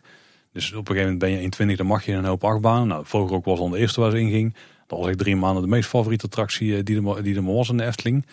Toen is ze in eh, de Vliegende Hollander gegaan. Toen was dat de meest populaire attractie voor een paar maanden. En toen is ze in de Python gegaan. Toen was dat voor een paar maanden de meest favoriete attractie. En nu is het de Baron. Want daar mag ze sinds kort ook in, in geweest. Nou, daar is helemaal verliefd op. Dus eh, die heeft daar steeds zo stapje voor stapje had ze iets nieuws favoriet. Ja, het houdt dadelijk wel op een keer. Ja. Dus misschien wordt die naam weer de pagode of zo. Of je moet toch eh, weer andere parken gaan bezoeken dan. ja, dat gaat ook zeker wel gebeuren. Ben me niet bang. Ja, en verder, eh, eh, nou wat ik nog wel tof vind om eh, te vermelden, is dat wij recent naar de film Wonka zijn geweest in de bioscoop. De, ja, zo'n beetje de origin story van Willy Wonka, die we natuurlijk allemaal kennen uit de Shaki en de chocoladefabriek. Wel van andere makers dan van de eerdere films rond die IP. Maar wat een vette film is dit. Ja, ik heb me er dus echt niet enthousiast voor krijgen. Nee? Nee. Echt niet? Ja, nee, maar omdat ik gewoon niet weet hoe je dit interessant kan maken. Maar blijkbaar is het gelukt. Maar ik ben toch wel ergens benieuwd. Maar ik zal even wachten tot hij echt op de streamingsdiensten komt of zo. Ja, nou, ik moet zeggen, de, verhaallijn aan zich is, eh, is al erg, eh, nou, dat is gewoon prima vermakelijk. Maar ik vind vooral eh, artistiek en visueel is het echt wel, wel een kunstwerkje hoor. Echt prachtige decors, prachtige kleding. Leuke liedjes erin. Dus het is een soort musical film, maar zonder dat, het, dat eh, je het echt beu raakt, zeg maar. Nou, want je bent me nou al wel kwijt hoor. ja. ja, ik ben er normaal gesproken ook totaal niet van. Dus toen wij in de bioscoop zaten en het eerste liedje begon, toen dacht ik echt van... Nee, waar ben ik nu in beland? Maar eh, dat viel reuze mee. Maar wat is, wat is heel tof is, ik was vooral verliefd op de, de decors en ook een beetje het visuele steltje. Maar wat blijkt nou, deze eh, film is echt grotendeels opgenomen in een studio. Ik zat achteraf te zoeken van in welke steden hebben ze dit in vredesnaam eh, opgenomen. Want dit is zo'n bijzondere mix van stijlen. Maar het blijkt dus gewoon allemaal decor te zijn. En het is dus eh, gebouwd in de studio's waar ook de Harry Potter films zijn opgenomen. Hmm. En het is wel echt fysiek decor. Het is niet een Ja. grote bluescreen Nee, eh, nee, tent. nee, Ah, nee. Het is juist voor het overgrote deel allemaal fysiek decor. En een beetje met een eh, fantasierijk twistje. Hm. Het is echt een heel bijzonder steltje. En toen ik dus achteraf las dat het van de makers, of in ieder geval de studio is waar ook Harry Potter is opgenomen, toen vielen er wel wat dingen op zijn plaats. Cool. En tot slot nog een eh, kijktipje op Netflix. De serie Seven Seconds. Een ontzettend aangrijpende ja, dramaserie die je echt onder de huid gaat zitten. Over eh, politiegeweld in eh, de Verenigde Staten. Zwaar onderwerp, maar als je eenmaal begonnen bent met kijken, dan laat het je ook niet meer los. Ja, dan zijn we aan het eind gekomen van de aflevering, Tim. Misschien nog wel het vermelden waard. Je kunt dus nog kaart kopen voor eh, de bioscoopavond die wij hebben georganiseerd. 3 februari in de Leest in Waalwijk. Tickets kosten 12,50 kun je bestellen via kleineboodschap.com slash bios.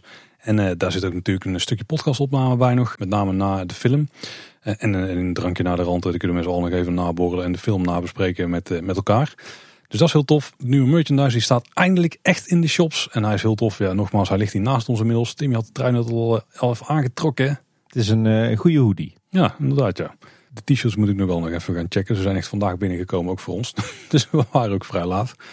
Als je iets wil kopen in de shop kun je het beste gewoon naar de- de website gaan. En dan klik je op shop en dan kom je bij alle items terecht.